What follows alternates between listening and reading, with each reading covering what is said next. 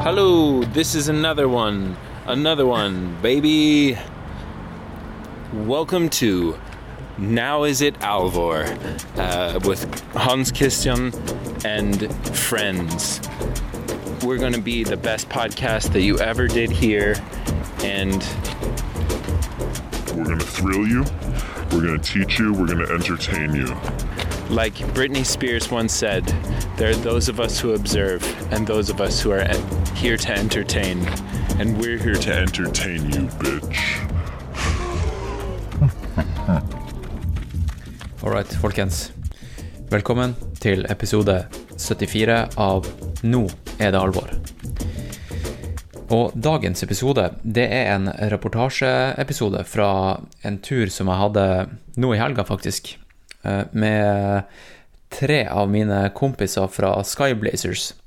Og vi ble nemlig invitert til Skåbu, ei lita bygd oppe i, med foten av Jotunheimen, for å presentere den her eh, eh, Besatt-filmen, som er en dokumentar av fjorårets eh, store prosjekt, da han Johannes Rummelhoff sprang fra operataket til Galdhøpiggen på ja, litt over fire døgn. Så den filmen den er ferdig, og den viste vi fram på, på fredagen før, eh, før Skåbu fjellmaraton, som var på lørdag som var.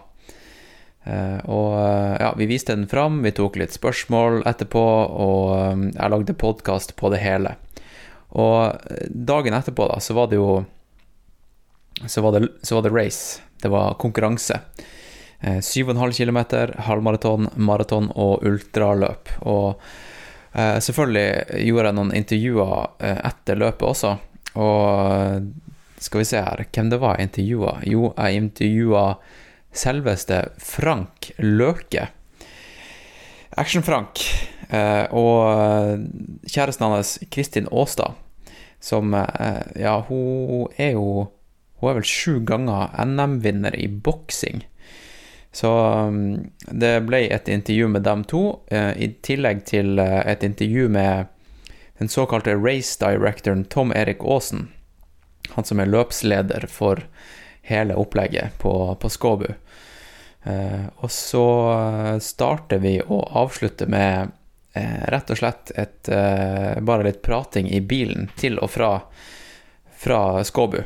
Eh, Med, med kompisene mine i Skyblazers, altså han eh, Johannes Rummelhoff, Felipe Hefler og han Patrick Stangby.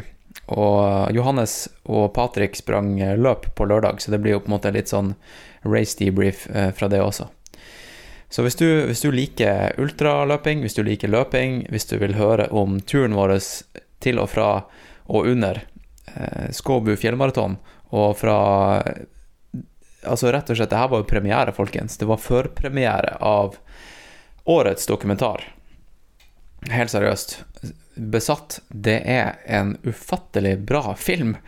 Eh, Jeg vet ikke om jeg Jeg er jo selvfølgelig ganske så partisk, men eh, vi fikk veldig bra tilbakemeldinger, masse bra spørsmål etterpå.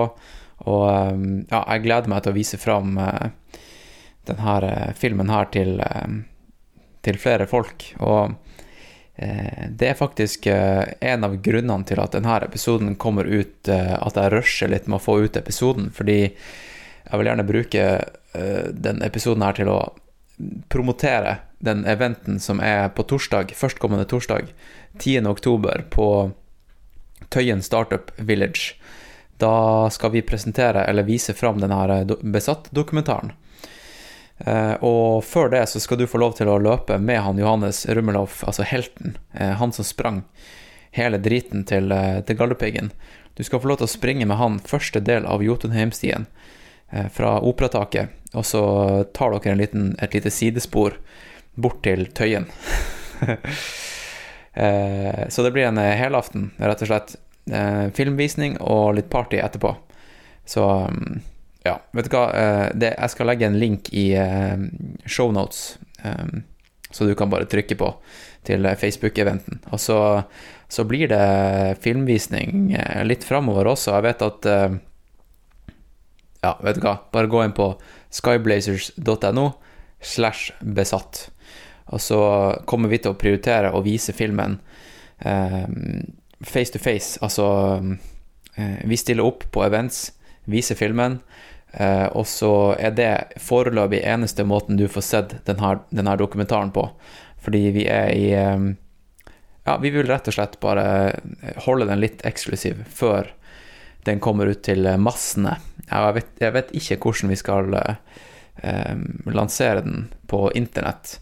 Eh, NRK har vi snakka med. Eh, VGTV kan være også en mulighet. Og YouTube, gratis til alle sammen, kan også være en mulighet. Eh, men eh, foreløpig så er den da eksklusiv til eh, at du må møte opp. Og det er jo noe vi egentlig har, har missa litt nå, folkens. Det her med å møte folk face to face. Bare dra på kino, liksom. Så vi inviterer alle til å komme til Tøyen.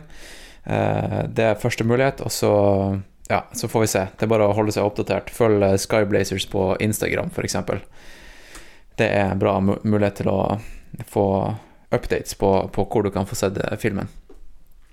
Uh, ok, så denne episoden her, uh, den er mm, fra Skåbu og hele turen dit. Og så uh, kommer jeg kanskje til å hoppe inn underveis i, i episoden og lappe eller prøve å få historiefortellinga til å henge litt på greip med litt voiceover. Så bare, bare et par steder.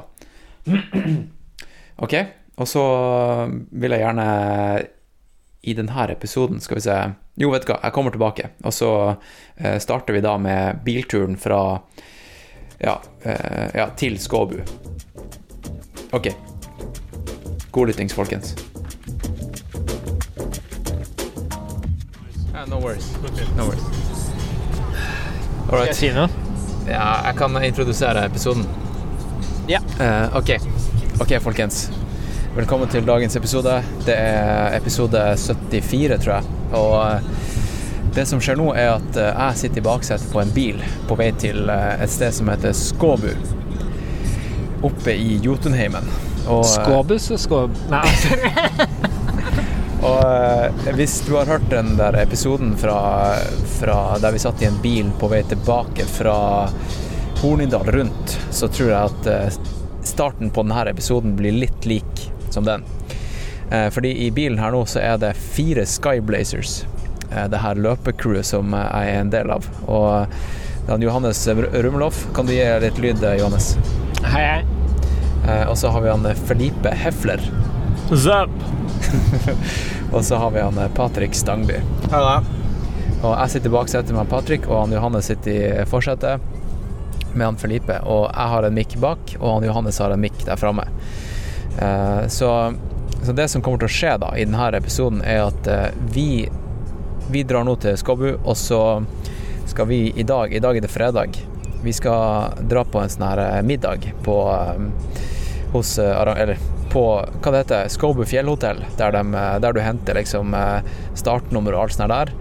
Og etterpå så skal vi ha et arrangement der vi skal vise premieren av Besatt, denne eh, dokumentaren av prosjektet vårt i fjor, da han Johannes sprang fra Operataket i Oslo til toppen av Galdhøpiggen. Så da var måte Da var episoden eh, Hele premisset for episoden satt. Um, hva dere tenker, folkens? Vi er, ikke, vi er vel ca. en halvtime unna Skåbu. Nå har vi kjørt fra Dere har kjørt fra Oslo. Henta meg på eh, Gardermoen. Hva du tenker Johannes? Du har ikke sett filmen ennå engang. Nei, jeg er litt spent, da. Jeg er, jeg er ganske nervøs. Vært nervøs i et par dager. Jeg. altså. Det Ja. er litt eh, Du må, du må holde mikken uh, Nei, jeg beklager. Ja, nei, jeg er nervøs, som sagt. Så det er litt uh, spesielt, da. Egentlig. Jeg vet ikke hva jeg skal si. ja, du, du har ikke vært så veldig involvert i selve skapelsen av filmen. Nei, jeg har vel egentlig valgt å holde meg unna det, Ja, unna filmen, da. Jeg jobber jo mye med akkurat sånne ting, så jeg tror jeg ville liksom blitt litt for eh, opptatt av hvordan fonter og valg, klippvalg og alt mulig sånne ting. Som Jeg er jo hovedpersonen i filmen. Det ville blitt feil, da, tenker jeg. Ja, det er vel egentlig egentlig det jeg sant. har tenkt. Ja, du er på en måte Du har holdt deg litt som en bassist. Ja, jeg kan ikke vinke altså, så blir det feil at jeg skal være med og si noe om vinklingen på filmen. Eller, ja. Ja. Men eh, ja, for du Jeg vil tippe at du var sikkert ganske fed up av hele greia også i fjor. Så det ville vært kanskje litt sånn her eh, ekkelt for deg å bare fortsette å holde på med prosjektet.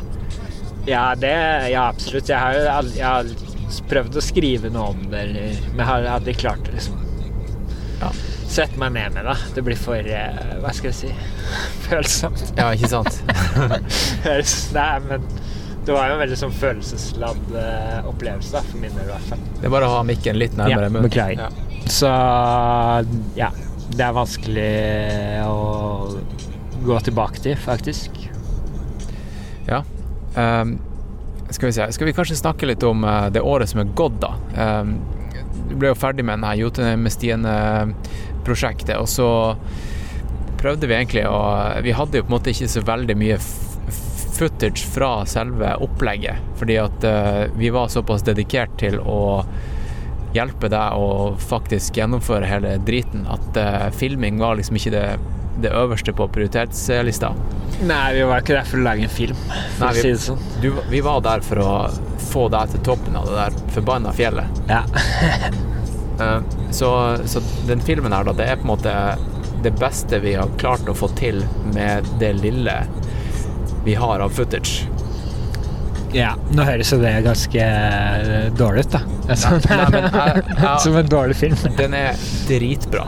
Fordi vi har, vi har en god del footage, og eh, gjenskapt en del ting. Det var jo en gjeng som dro opp til Jotunheimen for å lage rekonstruksjon også. Så Ja. Eh, vi har til og med fått eh, et eh, ganske så fett soundtrack. Eh, 100 eh, eh, Vi har fått det fra, fra Sister Sonny, som er eh, en kompis som spiller i et band som ga oss alle rettigheter til å bruke all musikken. Så vi har 100% eierskap til hele driten. Og regissøren, han heter Marius, og han har gjort hele jobben helt gratis. Det er ingen som har tatt noe for å lage filmen. Det her er kun lystbetont. Og eh, da blir det magi, tenker jeg. Det- Ja, det er vel i hvert fall eh, Det er jo bare et prosjekt noen har gjort fordi man har lyst til å gjøre det, da. Og det er jo befriende i en hverdag hvor alt handler om penger, og hvor man, gjør- alt man gjør, er for penger. Da. Ja, Ofte. Litt som løping, da, litt som løping. ja. egentlig. Ja. Ja, men det er jo det. Du gjør, eller i hvert fall sånn jeg tenker det, så er noe av gleden med å løpe er jo fordi du bare Det er ingen som bryr seg om hva du gjør, da. Du kan bare løpe. Du løper fort eller sakte, det er liksom Det er ingen som bryr seg så du lenge du ikke løper. Ja, men det er det jeg mener, da. Ja. Med en gang du blir sponsa, så betyr det jo noe. Ja. Her er det snø, faktisk. Ganske fett. Du ser tydelig snøskille i fjell, fjellveggen, er det ikke akkurat, da, men i Skal vi si ned Det er faktisk ned til 500, tror jeg. altså. Du, Johannes, du er jo veldig flink med ord, i hvert fall skriftlig. Eh, Kan ikke du prøve å eh, beskrive områdene vi kjører gjennom nå? Hvor, hvor er vi, og liksom, eh, hvordan ser det ut rundt deg? Eller oss? Nå er, jeg veit ikke nøyaktig sånn geografisk hvor vi er, men vi er et sted mellom Lillehammer og Skåbu, da, eller Jotunheimen. Vi kjører litt mot uh, Jotunheimen og Skåbu, da. Og vi kjører inn i en litt trang dal, vil jeg si, med mye trær, eh, rett og slett. Det er en del løvskog, blanding av uh, gran og og løvskog, da. Og så er det en elv som går ned her, og vi ser Det er sånn ganske sånn eh, Det som er interessant, er, eller interessant, eller som er fint her, er jo at du har den eh, høstlige fargene som blandet med snøen, da, som går liksom gradvis i graderinger, sjatteringer nedover. Og liksom bare feia og ja graderes ut eh, jo lenger ned i veggen det kommer. Da. Så det er ganske fint. Pluss at det er sånn skumringstid, da. Så vi er jo etter solnedgang, og det er liksom i den eh, ja, skumringstimen, da. Så det er ganske Det gjør jo også kanskje at fargene står litt mer fram, faktisk, fordi det blir eh, et flatere lys. Ja. Ja. Men det skal sies at når jeg skriver, så bruker jeg litt mer tid på å Å tenke over ordene. tenke over ordene. Ja. Bruker du um, um, Hva det heter Hva heter ord som betyr det samme? Synonymordboka, ja. Bruk, bruker du den mye? Jeg eh, bruker den mye, altså. Ja. Absolutt. Den uh, Men jeg prøver egentlig Eller nei, skal ikke det handle om å skrive, men uh, jeg prøver ofte å skrive så enkelt som mulig, da. Men beskrivende, da, selvfølgelig. Tror du Uten at å bruke for mye fancy ord. Nå lurer jeg, jeg er veldig spent på hva, hva det her, denne her filmen kan gjøre med, med livet ditt. Jeg lurer på når vi, om vi, når vi kommer til Skåbu, etter at filmen er vist, om det kommer masse sånne her eh, groupies og, opp til deg, og du blir sånn eh, Ja, ei stjerne. Hva du tenker En sånn stistjerne. Nei, det tror jeg Det tror jeg. Michael, eh, Norges eh, eh, terrengløpingens svar på eh, Michael Jackson. Ja. Anton Kropitsjka, det er vel eh, liksom alle stilløperes mål å bli som han, er det ikke det? Ja. Det er vel det. Nei, jeg tror det blir for nisje, da. Ja, vi får se hvor, eh, hvor langt det her eh, kommer. Jeg vet ikke, fordi jeg tror at filmen eh, kan eh, være av interesse til alle som bare liker natur, og jeg tror det er ganske mange. Altså. Det er veldig mange i Norge og Skandinavia, og jeg tror det kan funke internasjonalt også. Jeg tenker å, Når vi får lasta den opp på YouTube etter hvert, eh, så skal jeg tekste den til engelsk. Nei, det, blir, det er en jobb. Legge på subtitles. Jeg tenker å bruke en god del tid på å gjøre det. Så den kan gjøre det ganske bra, tror jeg. Og så skal vi se, vi skal vise den her i Skåbu, og så skal vi, eh, har vi en event på Tøyen Startup Village neste uke. Eh, og så skal den vises fram på Vippa under en event til eh, Arcterix. Og nest, ja, kommer den her ut før visningen på Tøyen. Eh, det kan godt være, jeg er ikke sikker. Fordi hvis den kommer ut før det, så vil jeg bare si at eh, klokken 18.30 på torsdag den 10. så kan du få en smakebit av Jotunheimstien, for da løper jeg fra Operaen i Oslo til Tøyen, da. På, til selve visningen, så du får en eh, Du får, får en halvtime smakebit av uh, Jotunheimstien. Av Første delen av Jotunheimstien. det... Så det, tror jeg kan bli en veldig fin løpetur opp eh, langs eh, Akerselva og til Tøyen. da. du, det visste jeg ikke. Det, høres, det høres jo genialt ut. Den- det er bare å møte opp, egentlig. Fett. Vi starter helt nede ved fjorden. Ok, men da skal jeg sørge for å få denne episoden ut før det. Og der kommer også Patrick Stangby, da, og sikkert noen andre kjente navn fra Legge- stiløpermiljøet. Legenden Patrick Stangby, han er jo her. Har du noen kommentarer, eh, Patrick? Eh, Så langt i introduksjonen så vet jeg ikke, da. Men eh, jeg har jo snakket litt med Johannes denne uken her, da. Og jeg har jo liksom skjønt at det er et spenningsnivå som eksisterer. Men det er bare naturlig, da. Men jeg har jo sett gjennom filmen i dag tidlig. Det har jo du òg. Ja.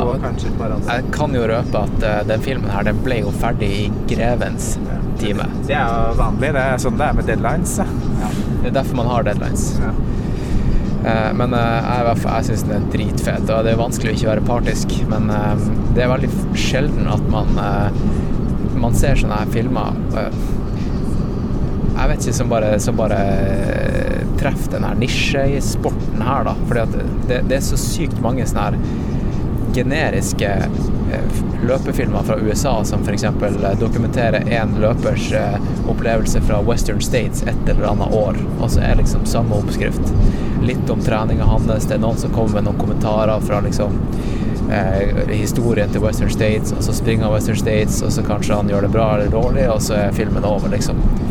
Mens det her er jo noe helt spesielt. Hva, hva du tenker, hva er dine inntrykk av filmen? Det er jo egentlig ikke så mye sånn visuell løping, og det er vel kanskje det som egentlig er appellerende for folk eh, flest også. Eh, Så tenker jeg, for, uten sammenligning for øvrig, da, så er det jo veldig mange jeg kjenner og har jobbet med, i hvert fall, som har plutselig har sett denne Barkley-dokumentaren på Netflix. Og det er jo da noe som appellerer til mange som overhodet ikke driver med vanlig løping engang. Også kanskje så klart folk som liker å gå i fjellet eller være ute, men ikke sånn veldig at det er den største delen av identiteten deres heller.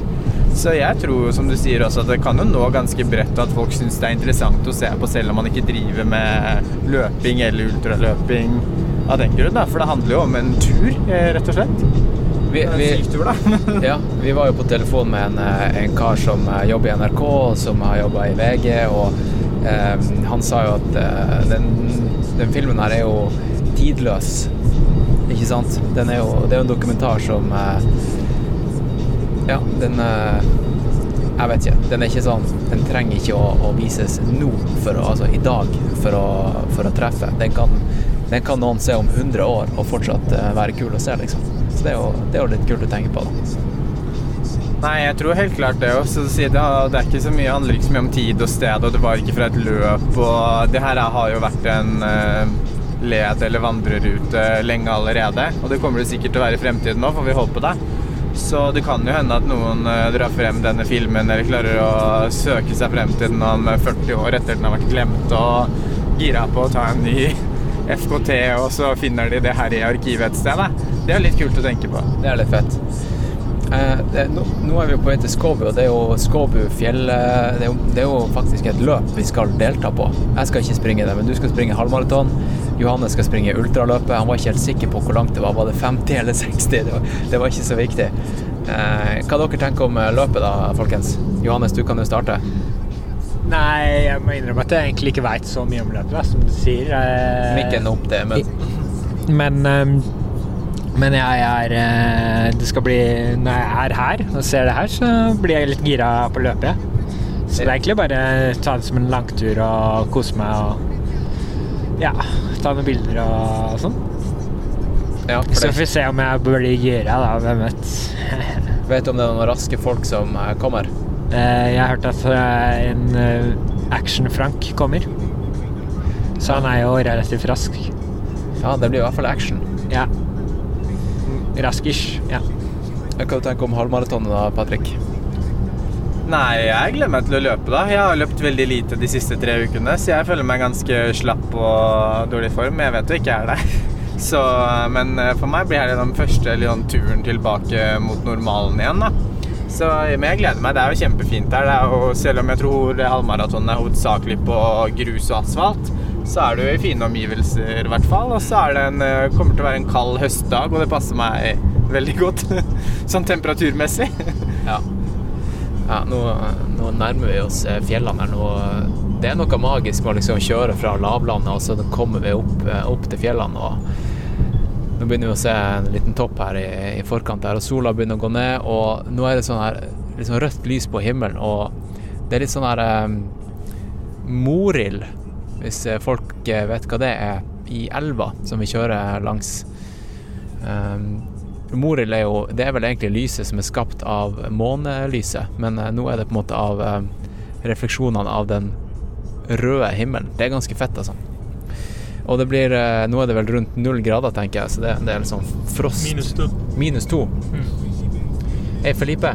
Ehm, du, er jo, eh, du er jo ikke norsk, men du, du forstår norsk. Yes. Du kommer fra Brasil, fra Sao Paulo. That's correct. I will speak in English because my Norwegian is really bad. And also you're driving, so if you're if, Yeah, you're, uh, if you're speaking Norwegian and driving, we right. We are back. Um, my battery uh, was actually empty, so um, we have to pick it up where we left. We started talking about the new logo that Felipe designed. He's our in-house graphic designer, right, Felipe? That's right. You can call me a graphic designer, programmer, everything. I just like do everything. I'm like- Even run ultras. some, yeah. Sometimes I try. Run mountains. I run mountains. Uh, But uh, Felipe and I work uh, work together on uh, and selling uh, logos now. But Felipe made the logo I'm very proud of. Can you try to describe sorry. the logo and the thoughts you have behind behind it? Because uh, when people see a logo, they just think, "Oh, that's a logo." Uh, some guy just drew something on the computer, and now it's a logo. Yeah. But But- Shall I maybe take a little back because like the we had the logo before, that's right. And uh, so it we had some issues with that logo. So we start just like uh there was a need for a new one. and then I thought like what basically mo- inspired us most, and that was uh, I think uh, Tromsø Sky Race because that's where you, me, Johannes Christian, and uh, Johannes we started running, and that's where Skyblazer started. So, so I took to that to my heart, if I can say Yeah, yeah.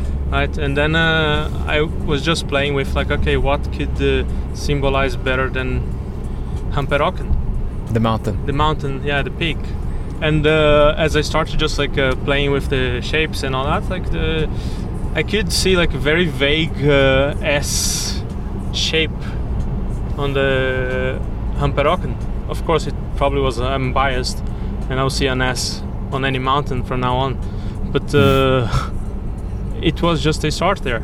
So I think that's uh, the part that I got hooked to the this really narrowing down to the shape of the mountain, and uh, I think I got uh, it nice there. Like it's a hamperocker shape, but it's cut out from a heptag- heptagon. So like it's not a pentagon, seven uh, sides. And uh, I just wanted to have it very simple Yeah. like so we could use it as much as we have to and the, the issues we had with the old logo was. uh, Can you describe? yeah sure like uh, there was too many colors the colors they were nice but uh, it was hard to reproduce that in a print or i don't know if you want to make a t-shirt or anything so it was pretty hard so if the new logo is much simpler like it's just like one color is black and uh, the shape is one single shape which makes a lot uh, easier for implementing on different medias like a t-shirt or print whatever really like so it makes much simpler Yeah, and uh, we actually discovered an issue with the old logo when I started uh, doing these uh, laser cuts, right? yeah that was the, the point of like oh fuck this is not good Yeah, because there, there were kind of loose hanging elements inside of the, the triangle. right Um, yeah. Uh, I thought the old logo was pretty cool, but I think the new logo is like, it's it's right. It's a it's a really nice enhancement, and it. It's Uh, more sophisticated. Can, can you repeat that? Ah, uh, it's more uh, sophisticated uh, logo. I think. right. Yeah. It's more thought out. Like what I was gonna introduce this with before the we lost the battery was that when I worked with uh, Felipe, he made this logo that I see every day at Grünerløkka, but he sold a square. Oh yeah. I was actually. I, I we That worked was- together when you made that square. Yeah, yeah, we That's all worked with Let's let's like- talk about that square. Can, w- d- uh, because you, like you- the, how you sold it was so good. I I was so impressed. I remember. really Yeah, because because you sold a square, black square. no but, uh, but you had it was so true. It Yeah. was it wasn't like a black square. no let, it let's was uh, an ID. let's uh, describe it again because I think the listener might uh, be a little bit confused. yeah uh, because Johannes said that uh, uh, Felipe sold a square, and I think we need to describe it. So there's a square, which is a logo that Felipe designed, which is uh, on uh, a lot of uh, cars driving around in Oslo, for example, and it's a it's a company called spabu Spabo, and we. Uh, yeah, me, Johannes, and you worked together that's true with yeah. during that uh, period, and uh, you designed that logo. Can you describe how you m- em- how you, i sold it how you sold the, the square to the client? It's just a black square. Well, I think actually the logo itself is probably not a good logo, but when you get the whole identity, It's like a concept. Yeah, Yes. that is. It's not like i- the logo. No. So. It was like the whole thought around it and everything. Uh, this uh, the square symbolizes. yes, right. Like this, uh, this company they do, uh, they have properties. It's a real, real estate. Yeah, company. real estate, but they are a bit different than a real estate. They are like uh, they also they they rent out the place, so they buy it, the properties, and they rent out. It's not that they are just like a uh, yeah, it's a real estate, but they're not selling it. They're just keeping everything and then renting out the places. So then uh, I was just like uh, they they sell spaces. That's what uh, was the summarized to that. Like is how space, and uh, what can you identify as a space? Basically a square. And from that point on, you just like okay, you pick up the lines of okay, uh, we have this tendency, or like we we we square everything. Like we, if you're gonna buy a plot, you define like as a square or like a rectangle. So you, you just draw lines. Like four lines is usually is the basic definition of a space, and that uh, what basically what I sold space, and they, they they love it. I, I was in that meeting when you sold it to the to the client, and you were just like uh, sitting uh, in a chair, super relaxed, and you were talking like you were doing right now. And when you finished talking, it was like five seconds of of, of complete silence in the room, and I could just see the client looking at you, thinking like. This guy's a genius. and I was like, what? He just sold a square. Fucking square. but hey, I actually a there's a, s- square- a, a, egg, uh, es- ah, a Easter egg there, Okay. which is like because it was a square. I was like, fuck. Anyone can just like go and replicate this and make the shape and say, hey, here's your logo. Like if they were should do it again. So like I added on the illustration, I add an extra dot, like a node. Okay. I don't know if people understand that, but it's just like I never saw that. yeah, no one will see unless if you add it to the shape. But uh, there is a dot there. Okay. It's like the in vector in the, vector, so yeah, you can't like if you're There's no. you have to copy points. the- Yeah. you have to copy the, The the, five points, vector file. yes. Yeah. So, so a bit like just nerdy, but uh, I wanted to just like okay, if you just Johannes try to Mikken. copy it or not. So Yeah. I did, yeah, so I want just to make sure that if somebody would copy it, it would be from the original shape I, I draw. So I did that kind of Easter egg. Hey, I think my the, the listener um, might wonder who is Felipe. Can you give us an elevator pitch of uh, yourself? Oh man, Take us back to uh, to Brazil back in the 80s. back in the 80s, in the early 80s. Yeah, before you had the uh, computer games, where before it was legal to import Nintendo. Yeah, there was not. Uh, it wasn't legal to uh, do any importation in Brazil during the until the early 90s, actually. So, but there was some weird uh, rules. I can't remember because I was young. But my father used to work for a company uh, that uh, used to put up uh, computers, and that's how I got into technology. And uh, but more introduced to it. And after I started, when the internet came, I was just like, oh fuck, this is amazing. Like I want to just learn how this is done, like how websites are done and how hackers do things. And I was just like really amazed. So I just started digging into it. So and after that, I just like uh, you know like uh, start doing websites and uh, freelancing, got a job, and then. I lived the internet bubble times. That was fucking awesome. Yeah. It was just like insane uh, time because people were partying like there was no tomorrow. Like uh, seriously, like they were just like uh, there was so much money that every fucking new website there was like uh, um, a party for that. They would throw a party. No joke. just like uh, you would party, party, party uh, every week, and uh, people were happy. but of course, it's not sustainable. so it came uh, the crash, and uh, yeah, there's some uh, because the company was sold just before it, so they were sold like by 300 million dollars. The boss gave money to everybody, so everybody had like some spare money. Got my money and went to England to study English. And uh, when I came back to Brazil, said uh, I want to live abroad. And took a while, but then I decided to got a job offer in Norway, and here I am All right. since then. But uh, yeah, that was a summary of my life. Yeah. And how how did you start uh, running? Well, in Brazil, I tried like some uh, 10k ra- uh, races, but uh, was pretty shit. Like I never really did any exercise. And after, I think, yeah, and it wasn't until I was like 30, I think 32 or 31 after I broke up a long uh, relationship, I had like immense back pains. Like I was just like couldn't carry a a bag, like a supermarket bag. I would just like my back would lock up, and then I just like fuck, this can't be real. Went to my doctor, and said, I, I said actually to him, you have to fix that. And he said, no, you're the one that has to fix and do something.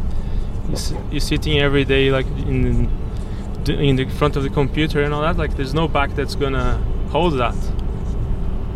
So then uh, I started doing some exercise.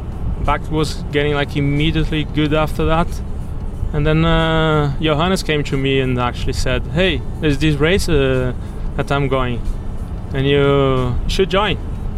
What what race was that? The race was a Tromsø Sky Race.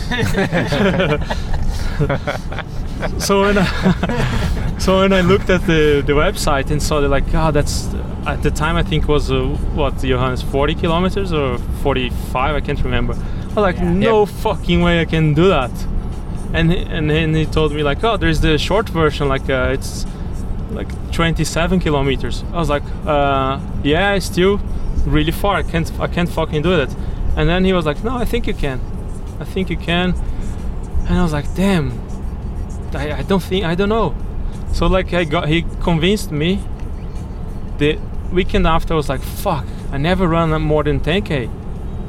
I can't do like a 27. That's insane. Uh, So I just went uh, bought some uh, trainers, like a vest, and uh, decided to do a 21k just to see if I could finish it.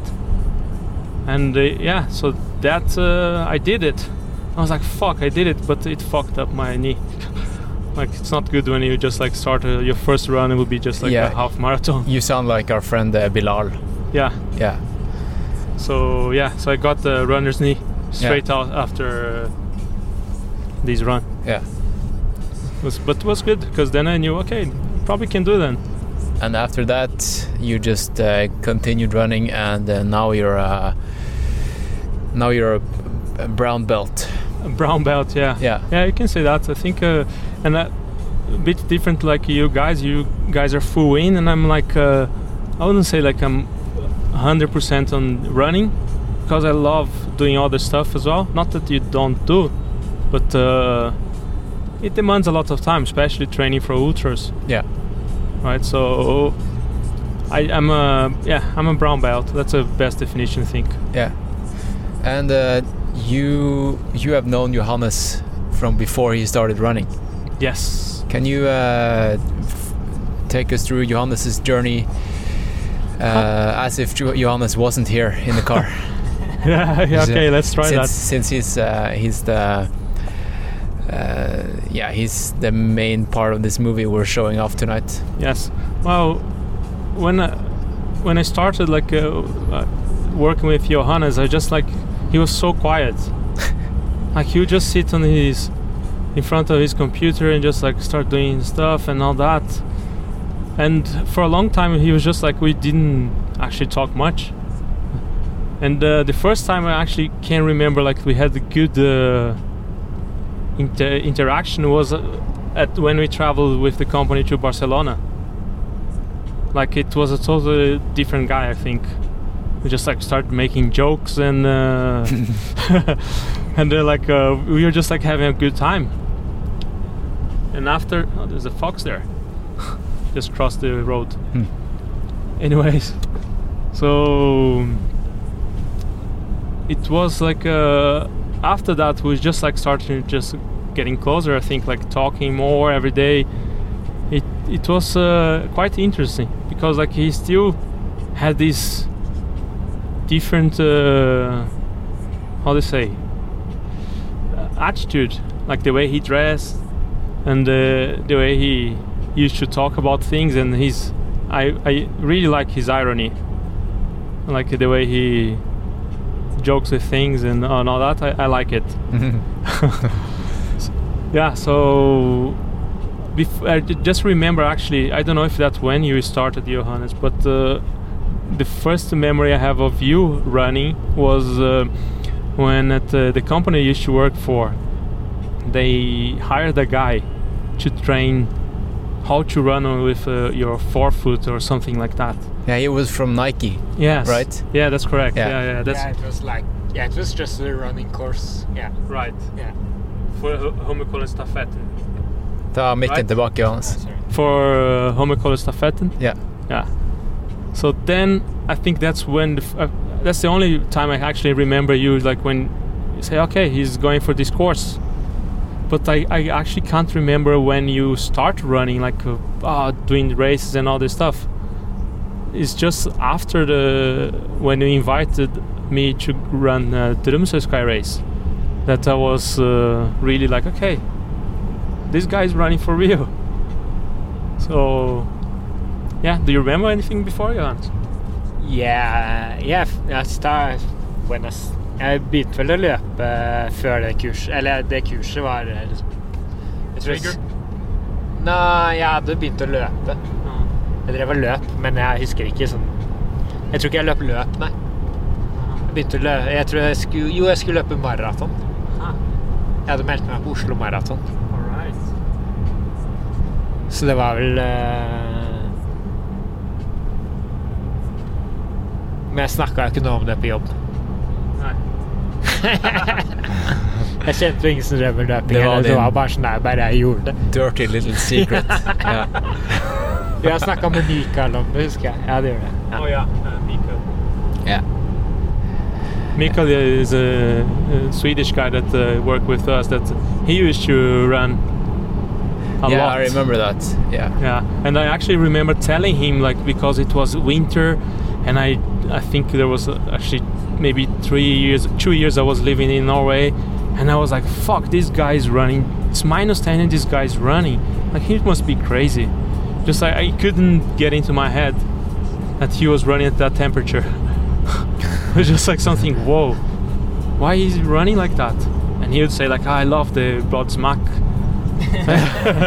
and uh, and when it rains it's also like awesome i was like i couldn't really understand that it was quite fun actually to look back and uh, and uh, uh, think about now Can you can you try to uh, uh, describe what you remember of the the formation and the beginning of Sky Blazers? Because you you've been you've been this uh, kind of uh, quiet uh, guy in the background since you. Um, first of all, you're not the uh, the guy to make a lot of noise, and also you're No. not uh, you don't speak uh, Norwegian, so you. Um, I don't know. It just naturally you're not the the guy who not gonna go talking all over and uh, all the time Yeah, and I'm Ah. I'm like the guy with the podcast, and Hmm, true yeah. Um, can you take us through what, yeah, the, the whole story? Like how did, how did it start? now do it again uh, the question because i was uh, for a No, moment like- uh, just looking at the, the road and What's your impression uh, of how this uh, crew started? yeah okay The story. I mean, I'm, I'm like you said, I'm not uh, the guy that uh, like much the any spotlight or anything. I really, I don't see need for that. So I just kind of sit back and watch. And uh, if I think about the Sky Blazers, it was just like uh, it was very natural. Like suddenly we were running Tromsø, like uh, then uh, we are back, and then we are run- making like Stichtag. You know, like it just uh, went so natural, so Oh, organically. Yeah, totally organically. Like there was no no pressure to do anything. It was just like it started growing, and then someone shows up sh- for his teach tag, and that someone I don't know. It's uh, Erika was the first one I remember, and then uh, Björnar, Patrick. You know, like it just grew so natural, and everybody gets together and get uh, it's get along very nice. Yeah. You know, like there's no But none of this would happen if we didn't have, for example, a logo and a and a brand, which which makes people uh, kind of believing. Like if, if if there's a logo, it's a thing, right?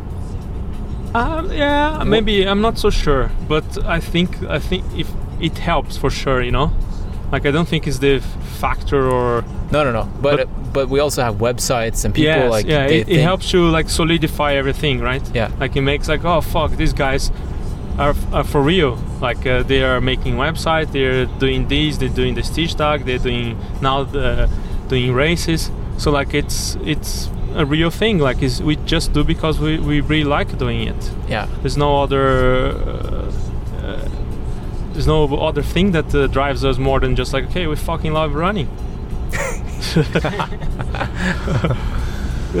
So like for me i don't even like uh, i'm quiet and all that i just like okay yeah just keep doing all the stuff we are doing and uh, because it's for me it's nice to spread uh, this to everybody you know like the same feeling that we get of like uh, the community or the you know like this uh, the feeling of like uh, doing sports and something that's so simple as running so it's just like it's dope Yeah, it's dope.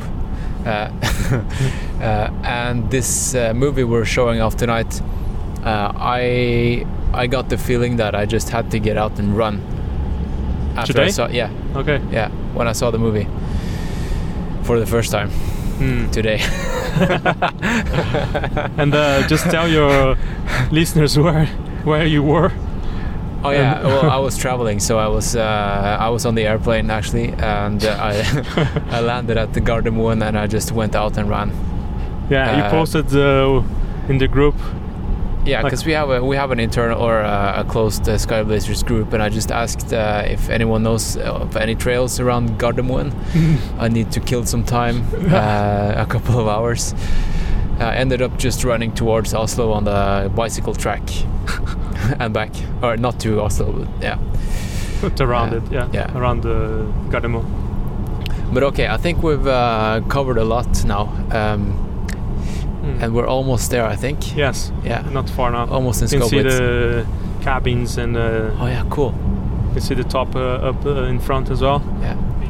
yeah really big Jeg vet, ikke hvor vi skal ta podkasten nå. Jeg tror kanskje at eh, vi stopper recording straks, og så plukker jeg opp tråden etterpå når jeg skal introdusere filmen. Forhåpentligvis er det stappfullt, og worst case så er det liksom ti stykk, kanskje bare dem som arrangerer løpet, som vil se filmen. Eh, uansett så blir det litt recording etterpå. Hva du tenker du, Johannes? Det høres bra ut. Nå er jeg ganske. Og du, Patrick? si. Patrick? Jeg tenker at Johannes trenger en pils, jeg. Ja. Det tenker jeg. Det skal han få. Over og ut. All right, folkens. Da har dere hørt eh, eh, praten vi hadde i bilen på vei til Skåbu. Og det neste som skjedde da, denne kvelden her, det var jo at eh, vi viste fram eh, filmen. Og eh, nå skal du få høre min introduksjon av filmen. Jeg hadde nemlig med, meg mikken eh, mens jeg, mens jeg prata. Eh, du skal få høre et par klipp fra filmen, eh, og kanskje litt snikksnakk etter filmen, med litt sånn Q&A, spørsmål og svar. Og akkurat det spilte jeg ikke så veldig mye inn av, men du får i hvert fall en liten, en liten smakebit. Alright, er folk eh, klare for å se tidenes dokumentar? Jeg vet ikke helt hva jeg skal si, egentlig, eh, men eh, jeg er jo her for å presentere den dokumentaren her, som er en dokumentar som dokumenterer han Johannes Rummeloff sitt, sin løpetur fra Operataket til Galdhøpiggen i fjor sommer.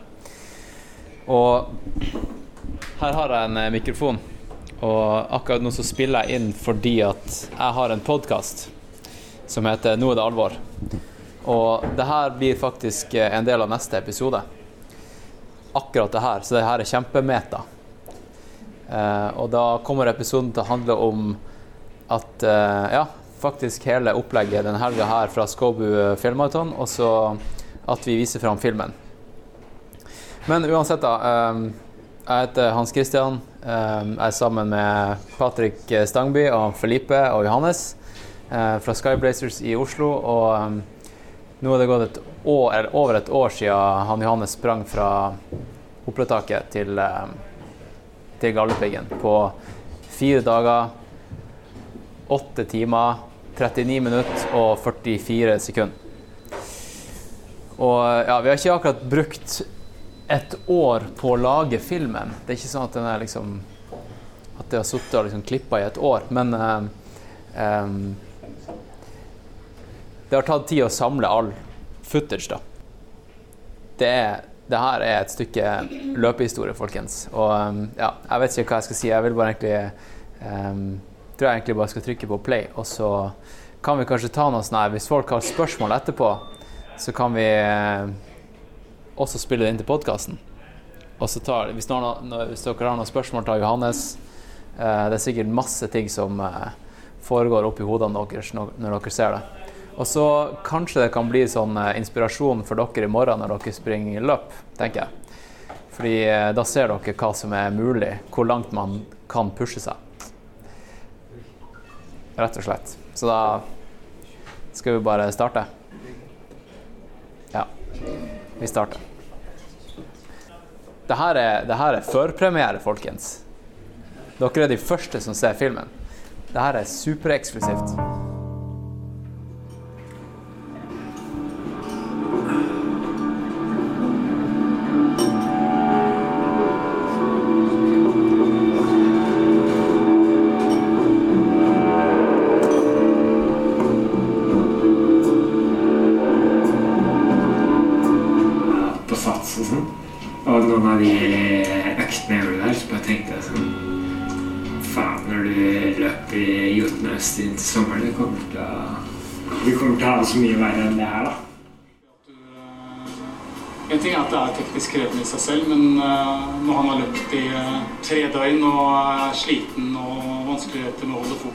Klart at eh, jeg er glad for at han skal løpe opp på Galdhøpiggen, ikke ned.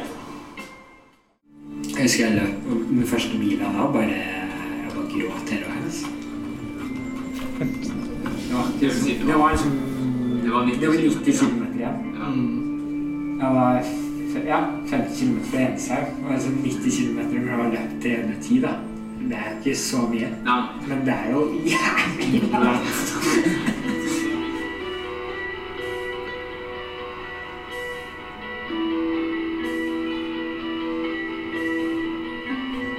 Jotunheimstien og Galdhøpiggen på 104 timer.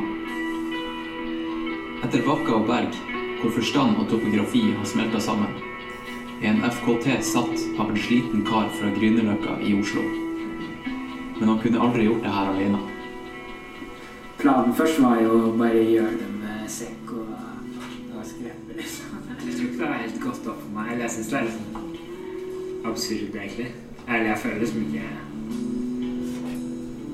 at man har gjort det.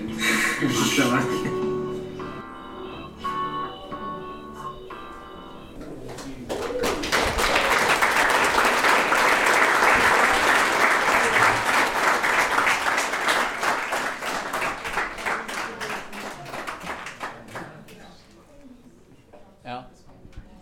Umiddelbare reaksjoner nå. ja. Eh, Er det noen som eh, ble fristet til å ta rekorden til Johannes? Jeg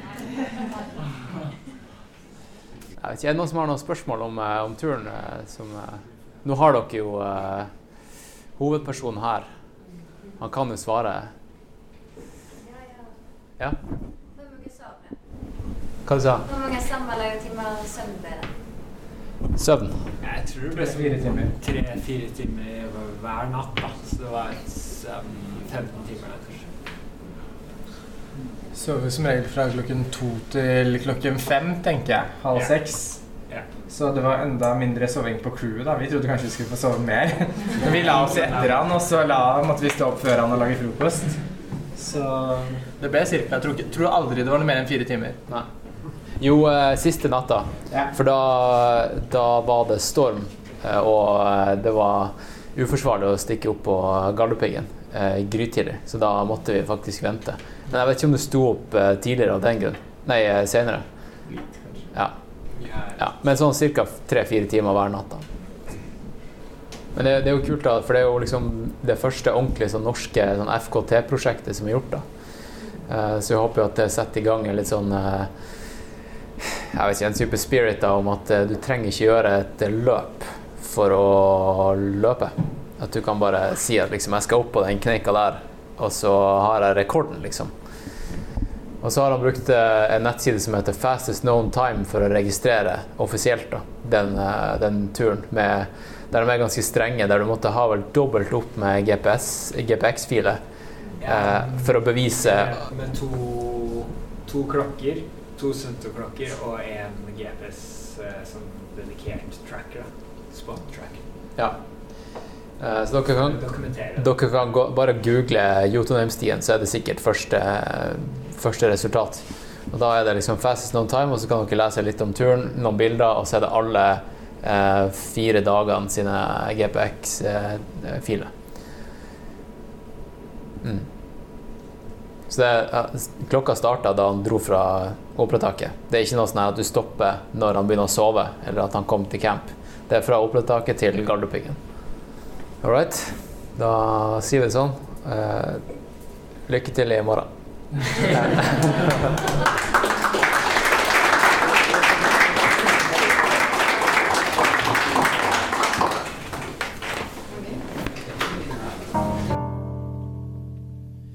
Og nå, folkens, nå hopper vi over til eh, dag to, lørdag 5. oktober. Og eh, det her er da etter løpet. Og um, nå skal du få høre et lite intervju med selveste Action-Frank Løke. Eh, og kjæresten hans, eh, Kristin Aastad. Ok, nå kan jeg si til eh, lytteren at eh, nå sitter fem stykker rundt et bord, vi er i Skåbu. Eh, tre av dem har fullført eh, løp. To av dem har, har fullført ultra. Én har gjort halvmaraton. Eh, og til min høyre side så har jeg en som eh, folk kanskje kjenner som Action-Frank. Ja, blant annet. Kjært barn har mange navn. Ja. Så Hvordan gikk det i dag? i dag gikk det egentlig ikke så bra. Femteplass. 4.45, 46, 47 eller hva det ble for noe. Hvor, eh, hvor langt er racet? Det er 57 km. Jotunheimsvegløpet er vel det det heter. Um, jeg dreit meg ut fra, rett og slett, ut fra pallen. Jeg lå med, med han Pet Pettersen, han? Han, han skiløperen. Ja, pølsa. Pølsa. Og så begynte jeg å få mageproblemer, så jeg var på do sju-seks ganger i løpet av hele løpet. Så jeg skylder på det, selvfølgelig. Har en unnskyldning klar. Eh, hvor mange høydemeter var det her? Det var ikke så mange, egentlig. Jeg tror det var 800. Men det er vel totalt så er det vel eh, mer negative høydemeter enn positive. Tror jeg faktisk. Jeg er litt usikker. Det er ganske, det er ganske lettløpt eh, løp, det, egentlig. Hadde du planlagt det her i forkant, eller bare dro du ut og tok det som en lørdagstur? Det, det ble lørdagstur, faktisk, sånn som det utarta seg. Så jeg hadde jo veldig lyst til å være med, men så fikk jeg problemer, og da ble det faktisk en veldig fin tur. Og jeg koste meg underveis. Så det ble ikke noe sånn kjempe Ikke sånn kjempesliten, selv om jeg er veldig sår i, i rasshølet, faktisk. Fordi jeg hadde tre ganger jeg var på do, så fikk jeg tørka meg, og de tre siste så fikk jeg ikke tørka meg. Hva tørka du deg med da? Du må, du, gnei du rumpa mot en stubbe, eller hva, hva gjorde du? Jeg hadde Kleenex de to første, nei, tre første, men siste gang så da, da ingenting. Og bare gi fart, få, i fart, få det ut. Jeg brukte sleeves et par ganger. Sånne ullsleeves fra Norrøna. De er kjempebra dopapir. Jeg vurderte faktisk å bruke de Håka-vantene mine, men tenkte jeg faen, de er så jævla gode, så jeg vil ikke ofre de. Jeg har alltid slitt å finne gode. Du, ok, femteplass her i dag. Um, du, er, du har ikke alltid vært ultraløper, du har vært eh, håndballspiller. Hvordan var overgangen der? Hva, hva skjedde? Hvorfor, eh, hvorfor gikk du til ultra, liksom, av alle ting? Nei, det er vanskelig å si, egentlig. Jeg ble skada de siste åra av karrieren min, og så begynte jeg å løpe. En del i Tyskland, i tyske skoger. Hvordan skader? Eh, type Ja, mye, mye håndledd og fingre og veldig mye som brakk. Jeg gikk jo ned noen kilo, og da begynte alt å brekke på meg. Jeg var 115 kilo, veide jeg jo før. Nå veier jeg 88, så har jeg gått ned 27 kilo. Det er jo litt. Rann, planen min er å komme jeg har sagt lenge nå, komme ned mot 80, da. så kanskje at jeg kan virkelig løpe litt kjappere. Men øh, Så 80 er matchweight, liksom? ja, 115 var matchvekta før, men 80 er kanskje Jeg håper å komme ned dit, da. For da kanskje jeg kan klare å Kanskje bli pallen eller første istedenfor femteplass. Det er jo Men da, da er det jo ikke fett. Da, da må du jo rett og slett bare tære bort muskler. Hvordan planlegger, hvordan planlegger du å gjøre det? Nei, jeg er så veldig glad i mat, og spesielt sukker. Så det er liksom, jeg er avhengig av sukker. Jeg er skikkelig sånn matmoms og elsker mat, og spesielt godterier. Så jeg, er det. Jeg er egentlig bare kutte ut godteri og brus, hvis jeg tror jeg hadde klart det og gjort det. Okay. Så hadde jeg faen meg kommet ned dit, og da hadde jeg faktisk blitt farlig, liksom. Ja, men eh, hvordan eh, Hvis du kan prø prøve å trekke noen paralleller mellom eh, håndballkjøret og ultraløping, er det, er det noen likheter? Eller er det helt annerledes? Eh, Det er jo litt annerledes. Det er jo lagsport, da. Så det er jo, og det som er forskjellen, er at eh, jeg ble alltid fortalt hva jeg skulle gjøre før. Eh, Håndball var en hobby som ble jobben min, og så, så ble jeg alltid fortalt da, det var, hva, hva skulle gjøre hver eneste dag på trening. eh, Og alltid sånn greier, Når får vi fri? Måtte alltid følge bjellekua. Mens nå gjør jeg min egen greie. da, Så det er mye, mer- jeg trener faktisk mye mer nå enn jeg gjorde det som profesjonell eh, håndballspiller. Men eh, jeg, jeg gjør det på eget initiativ, og jeg syns det er gøy. Og jeg er jo Jeg kunne liksom alle si Frank, du gjør så mye tull. Eller som Du er med på alt mulig. Alt fra multisport til triatlon til svømming til ja, faens oldemor. Men jeg syns det er gøy. Jeg kunne liksom bare konsentrert meg om å prøve å vinne den Bislett 24 f.eks. Men det, det gjør jeg ikke. Det er mye gøyere å ha det gøy, være med på mye rart. Og det er det jeg syns jeg gjør. Da. Så er, jeg er jo konkurransemenneske, men jeg er ikke så jævlig nøye om eh, jeg får en 50 da, faktisk. Selv om jeg, jeg liker å hente bøtta, som jeg sier.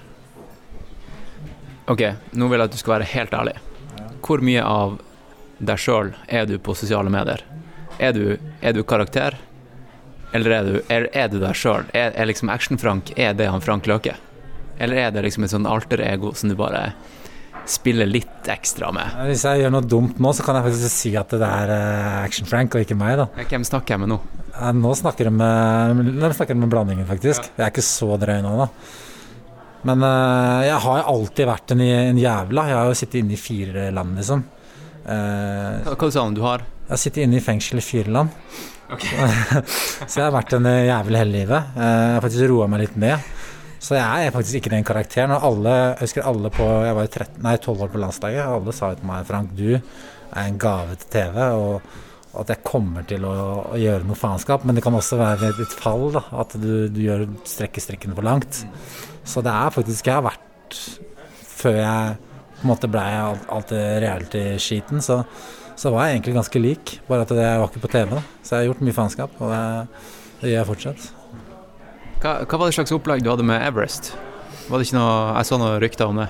Hva var det? Jeg jobber jo nå med å prøve å komme meg opp, da. Eh, Nå har jeg kommet en liten hindring, for du, du må være på en 6500 meters topp i Himalaya eh, for å få lov til å gå opp eh, neste år. da. Så planen var egentlig å gå opp i, i april-mai neste år. Og jeg har fått fri fra jobben til det, men problemet nå er at jeg, jeg må ta en 6500 meters topp, og det tar faktisk tre uker. til Med akklimatisering? Og, ja, ja, ja. Og da er plutselig et problem. Jeg kan ikke få tre uker til fri. Så jeg sliter litt med den. da. Um, Kan, kan du kanskje ta og uh, se hva han Kilian gjorde i forkant av sin uh, Everest-bestigning? For han trente jo kun hjemme fra Norge, og så dro han egentlig nesten rett opp. Ja, men han, det var før den eller Han er vel ekstrem. Han har vel vært på en del har vel vært på en del uh, høyder før. Og han sikkert har den i boks. Han kjørte opp og ned på 18 timer, var det? Nei. Det var helt sykt. Ja, jo, som var to ganger på eh, bare et par Ja. dager, da. Ja. Men jeg tror det som man kan gjøre som han gjorde, er å Han har jo høydetelt hjemme. Ja. Så han har klimatisert seg hjemme, og så drar ned. Klimatisering handler om å få lov til å gå opp. Så man har Ja, men da kan du ta, dra ned nå, da. ikke sant? Så kan Ja. du tatt mer av ferien og dratt ned nå, og så Ja. kan man bruke høydetelt og komme når man skal ned på Everest. Ja, sånn, ja. Men han, han, er vel, han er vel kjent for å være løpt jævlig mye i høyden. Han er vel va- vant til Han er, Han er nesten, født i høyden. Han er født i høyden, og han er jo nesten som de sherpaene. For dem så er ikke det akkurat det samme som, som vi som kommer, så så Nei, jeg, jeg tulla ikke med av- avklimatiseringa forrige gang. Jeg var på basecamp nå i år, og jeg kødda ikke noe med det. Og kjørte det alle, fulgte alle regler. Jeg, var, jeg hadde en halvannen times løpetur på 4600 meter, faktisk. Og det var sånn Jeg følte ingenting etterpå. Og så hadde jeg et par sånne små toppturer oppe i Kalapat der på 5006. Og uten å føle noe, da. Så jeg, jeg, jeg møtte de tre norske som var her oppe. Annet han Thomas Lone, han som, han som skal ta Seven Summits. eh, og han, eh, han sa jo at eh, Eller jeg Han sa at han så at jeg var jævlig bra. At jeg, jeg følte meg dritbra på basecamp. Jeg fikk jo faktisk lov til å gå opp av han uh. Men han sa at du må skaffe 45 000 dollar på to dager. Og da ringte jeg jo hjem, ikke sant. Det er noe, faen, er det noen som kan vippse meg, eller? og så prøvde vi noen greier ja, på nettet og noe sånt nå. Og så, men mora og faren min, for jeg kunne ikke snakke med bank, det gikk jo ikke det, ikke sant. Men jeg, hadde, hadde jeg vært hjemme, så hadde jeg klart det, da. Men øh, så jeg måtte bare spørre søstera mi. Hun tok ikke telefonen, Heidi. Ja. Hun kunne bare kjørt over. Og foreldrene mine og mora mi var så nærme å gjøre det, men de ville på en måte ikke sende pengene i tilfelle det var hos De ville ikke bidra til hvis jeg daua. Det skjedde jo så mye i TV. Så de bare men jeg er jo, ja, hvis ikke det blir i år, så da blir det i hvert fall den 6500-meterstoppen. da, Eller neste år. da, Vi får se hvordan jeg klarer å få det til. Og det er koster jo skjorta, den, og den 6500-meterstoppen er liksom 130 000, og så er det 500 000 på toppen. ikke sant, Så jeg er avhengig av Det blir sånn spleiselag. Jeg tar litt sjøl, og så får litt forskudd på arv, og så håper jeg får med et par sponsorer som dytter inn litt. Hva er, hva er motivasjonen med Everest? Er det, er det bare en sånn bucketlist-ting? Ja, det er blitt sånn uh, blitt litt bucketlist, faktisk. Altså, jeg må ikke henge i, i, i klatreveggen eller stikke til Sør-Afrika eller Amerika for å ta et eller annet fjell der nede. Ta de Seven Summits. Det er ikke min som er høyeste fjell på hvert kontinent. Men uh, Everest er det høyeste, da, ikke sant? og jeg har sagt at uh, dattera mi begynte nå på skolen. da. Så det, det første var det første å lære geografitimen, er jo at uh, hovedstaden i Norge er Oslo. Og så er det at verdens høyeste fjell heter Mount Everest. Mm. Da skal dattera mi rekke opp handa og så skal hun si at ja, pappa har vært der. Ja, han har vært i Oslo. Nei, han har vært på Mount Everest. ikke sant? Så jeg, det er alle har et forhold, alle veit hva Everest er. da. Og siden 1985 så er det vel snitt på ca. 60 stykker, ja, kanskje det er pluss-minus, som har vært der oppe. Så det er, jo, det er jo under to i snitt i året. Selv om det har vært noen var tre der nå. har det vært kanskje noen... No nordmenn, eller hva? Ja, nordmenn, ja. ja. Nordmenn. Så det er ikke hvem som helst som kommer opp. Og jeg følte meg så jævlig bra når jeg var, var der nå. Så jeg skal gjøre alt for å komme opp på toppen. Da. Nå er det premieutdeling om ni minutter, Ja. men uh, bak der nå så står uh, Er det tredjeplassen på kvinnesida? Andre. Andreplass. Andre? Ja. Uh, kanskje vi kan få noen ord med der for uh, Jeg må også nevne at du er syv ganger norgesmester i kickboksing og boksing. Ja, det skal vi Boksing. Hæ? Syv i boksing. Ja, ok, uh, og, Det er bare boksinga. Jeg husker ikke kickboksinga. Er det tre? tre, ok. Ok. Da må du nevne. Hvem er, hva, hva er navnet ditt? Kristin Aastad heter jeg.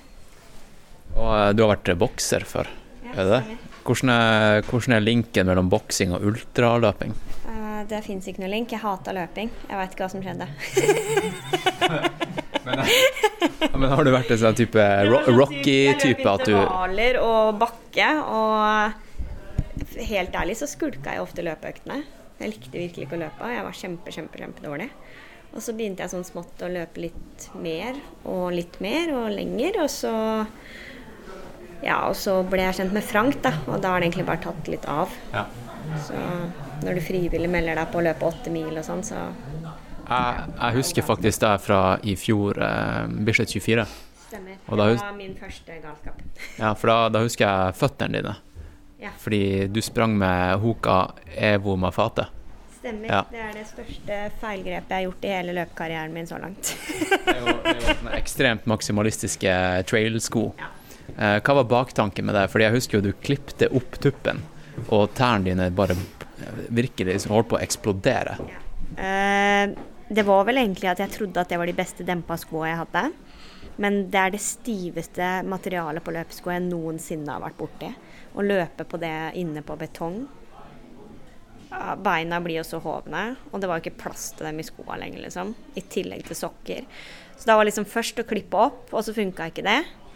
Og da var det å prøve å teipe og all mulig faenskap. Og så blei det rett og slett bare å løpe på lesten. Ja. Fordi vi, vi hadde jo sånn her eh, crewbord rett ved siden av ditt crew. Det var sånn jeg liksom så det. Og så, så jeg husker at du eh, krangla, jeg vet ikke med hvem det var som var der. Var, var det faren din, eller? Ja. Eh, og eh, han, jeg tror han ba deg stoppe, men du sa du skulle faen meg over 100 miles. Eh, ja, jeg hadde jo Når jeg merka at eh, kneet gikk til helvete etter fire timer, og egentlig ingenting samarbeidet gikk min vei, så blei jo målet da minstekrav for kvinner, som var 130. Og jeg havna på 133. Um, så ja, det var jo liksom Jeg fikk jo beskjed av mange andre, og folk trodde jeg skulle ta bussen hjem eller tog, eller og at eh, kanskje du skal gi deg nå, liksom. For de så jo hvor vondt jeg hadde. Det var jo ikke plass på beina jeg ikke hadde vondt.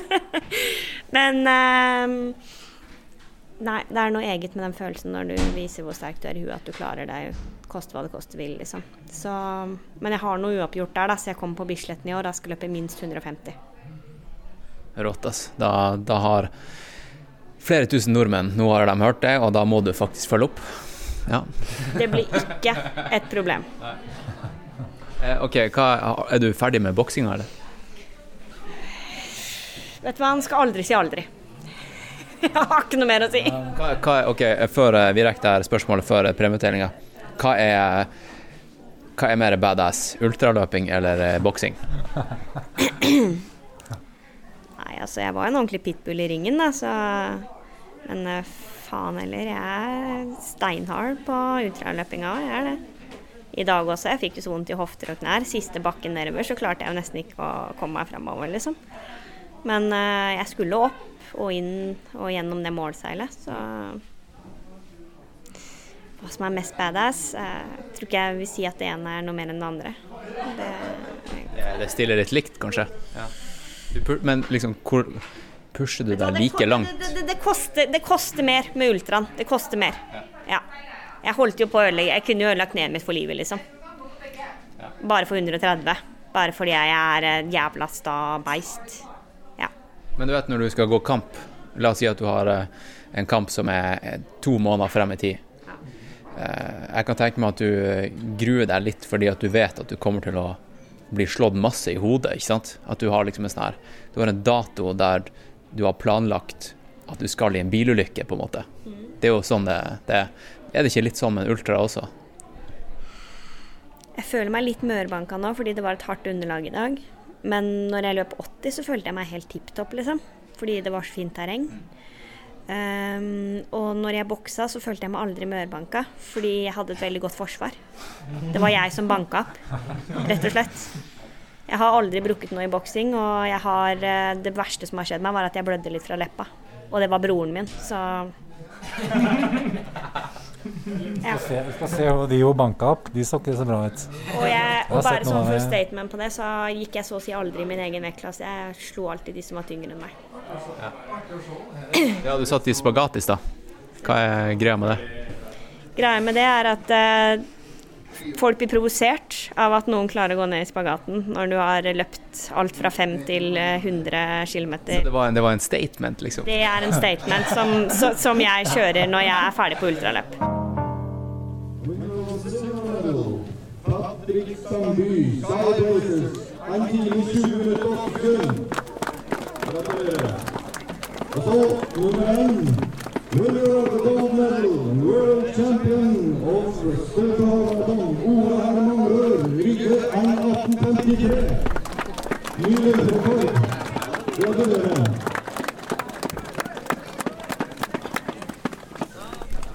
Eh, Som du kanskje hørte i forrige episode, så ga jeg en personlig shout-out og takk til alle som støtter podkasten, og som sørger for at jeg kan f.eks. dra til Skåbu og gjøre sånne her eh, reportasjesaker. Eh, Det er, det er faktisk takket være eh, dere som støtter meg med mikrobeløp en gang i måneden, som gjør at ja, jeg kan eh, gjøre det her og holde sjappa gående. Og én ting eh, jeg, skal, jeg skal ikke gjøre det samme som forrige episode, for det tok kanskje litt av når jeg ropte alle hundre, og, alle hundre navnene ut eh, inn i øret ditt. Eh, men eh, jeg tenkte bare jeg skulle si litt om den siste den siste pakka på Patrion, for jeg bruker, jeg bruker patrion.com som ja, som hovedstedet for å samle inn, eller for å crowdfunde hele podkasten. Og hvis du går inn på patrion.com slash alvorpodkast, så kan du se hvordan du kan hjelpe til. Um, og det, jeg lagde en sånn her pakke som jeg kalte for Honnold Foundation. Og det er en pakke som eh, går ut på at uh, når du signer deg opp på den, som koster 30 dollar i måneden, uh, så går uh, første 30 dollar den går til Honnold Foundation, og måneden etter og månedene som kommer da eh, etterpå, da, da går det halvparten til Honold og halvparten til podkasten. Eh, og hva er Honnold Foundation? Jo, eh, han Alex Honnold, som du sikkert husker fra den her Free Solo-dokumentaren som alle nå har sett, fordi den ligger på NRK nett-TV. Han som free, Solo og halfdome. Eh, han har starta en, eh, en veldedighetsorganisasjon som bl.a. da involverer seg i et prosjekt som heter Solar Aid. Og Solar Aid det går ut på å eh, hjelpe eh, familier i ganske fjerne strøk nede i Afrika med å bytte ut parafinlamper til solcellepaneldrevne lampe som gjør at Ok, det, det gjør masse greier. For det første får det ned bruken av parafin, som er bra i seg sjøl. Det får ned CO2-utslippene, klimautslipp. Det får ned brannfaren til de her stråhusene som de bor i. Eh, For det er ganske vanlig at når, fyrer, når du fyrer med, med parafin inne i et uh, veldig lett antennelig hus, så tar det fyr. Uh, ok, så det var de tre tingene. Eh, og egentlig nesten kanskje det viktigste er at eh, med å gjøre lys til en greie som ikke er noe man sparer inn på, altså det, at du har utilgjengelig, nei, jeg mener um, ubegrensa mengde med lys, så gjør det at du kan ha lyset på utover kvelden. Det vil si at du øker antall timer med lys eh, som du kan f.eks. bruke på å gjøre lekser og lese. Eh, og bli smartere, rett og slett. Eh, så konseptet her, da, det er at hvis du gir tusenvis av familier og kids mulighet til å lese eh, og gjøre skolearbeid et par timer lengre i løpet av dagen, så eh, bidrar vi ekstremt mye til, videre, til utdanning av en ny generasjon som ellers ikke ville fått det. Eh, og når vi nå står overfor en del klima-issues, så er faktisk neste generasjon det er den beste tingen vi kan investere i, spør du meg. Så derfor har jeg, har jeg valgt å lage en egen Patrion-pakke eh, som går direkte til Solar Aid. Og eh, hvis du signer deg opp, så lover jeg at du skal få kvittering på hver eneste, hvert, hver eneste gang jeg sender inn penger dit. Og sist gang jeg sendte inn penger, så sendte jeg inn 60 dollar. Eh, og så fikk jeg en, eh, en eh, reply fra Solar Aid, og de sa tusen hjertelig takk, eller de sa det på engelsk, da. Um, skal vi se her. 60 dollar betyr 12 069 eh, mer kids uh, Nei, skal vi se. Mer timer som kids kan uh, lese. Og 12,7 tonn med CO2 emissions eh, som er averted from the atmosphere. Så folkens, bare 60 dollar har gjort en stor impact allerede. Eh, så det gjør jo også at den podkasten her, den er ikke bare et sånn her egoprosjekt for eh, eh, ja, for meg og for, for dere lyttere som, som bruker den som jeg vet ikke, mat eller, eller selskap når dere er ute og springer, eller whatever. da. Vi gjør en liten forskjell, og det gir mening, spør du meg. Så gå inn på patreon.com slash alvorpodkast og join han eh, Skal vi se her. Det er han Ruben og han Mathias som har signa seg opp på Honnold Foundation-opplegget. Og det var han Ruben som vant de her Scott-skoene. Hvis du eh, husker at uh, Scott, eh, altså det her sko eh, skomerket, uh, de ble med på én episode og donerte et par sko til førstemann som signa seg opp. Eh, Så det er Ruben og Mathias som har signa seg opp der. Eh, Hvis jeg klarer å få én til, bare én til, eh, så hadde det vært dritfett. Ok, og tusen takk selvfølgelig til alle dere andre som støtter podkasten. Det er dritfett. Det er dritfett. Ok, da setter vi i gang. Da fortsetter vi denne ufattelig fete episoden.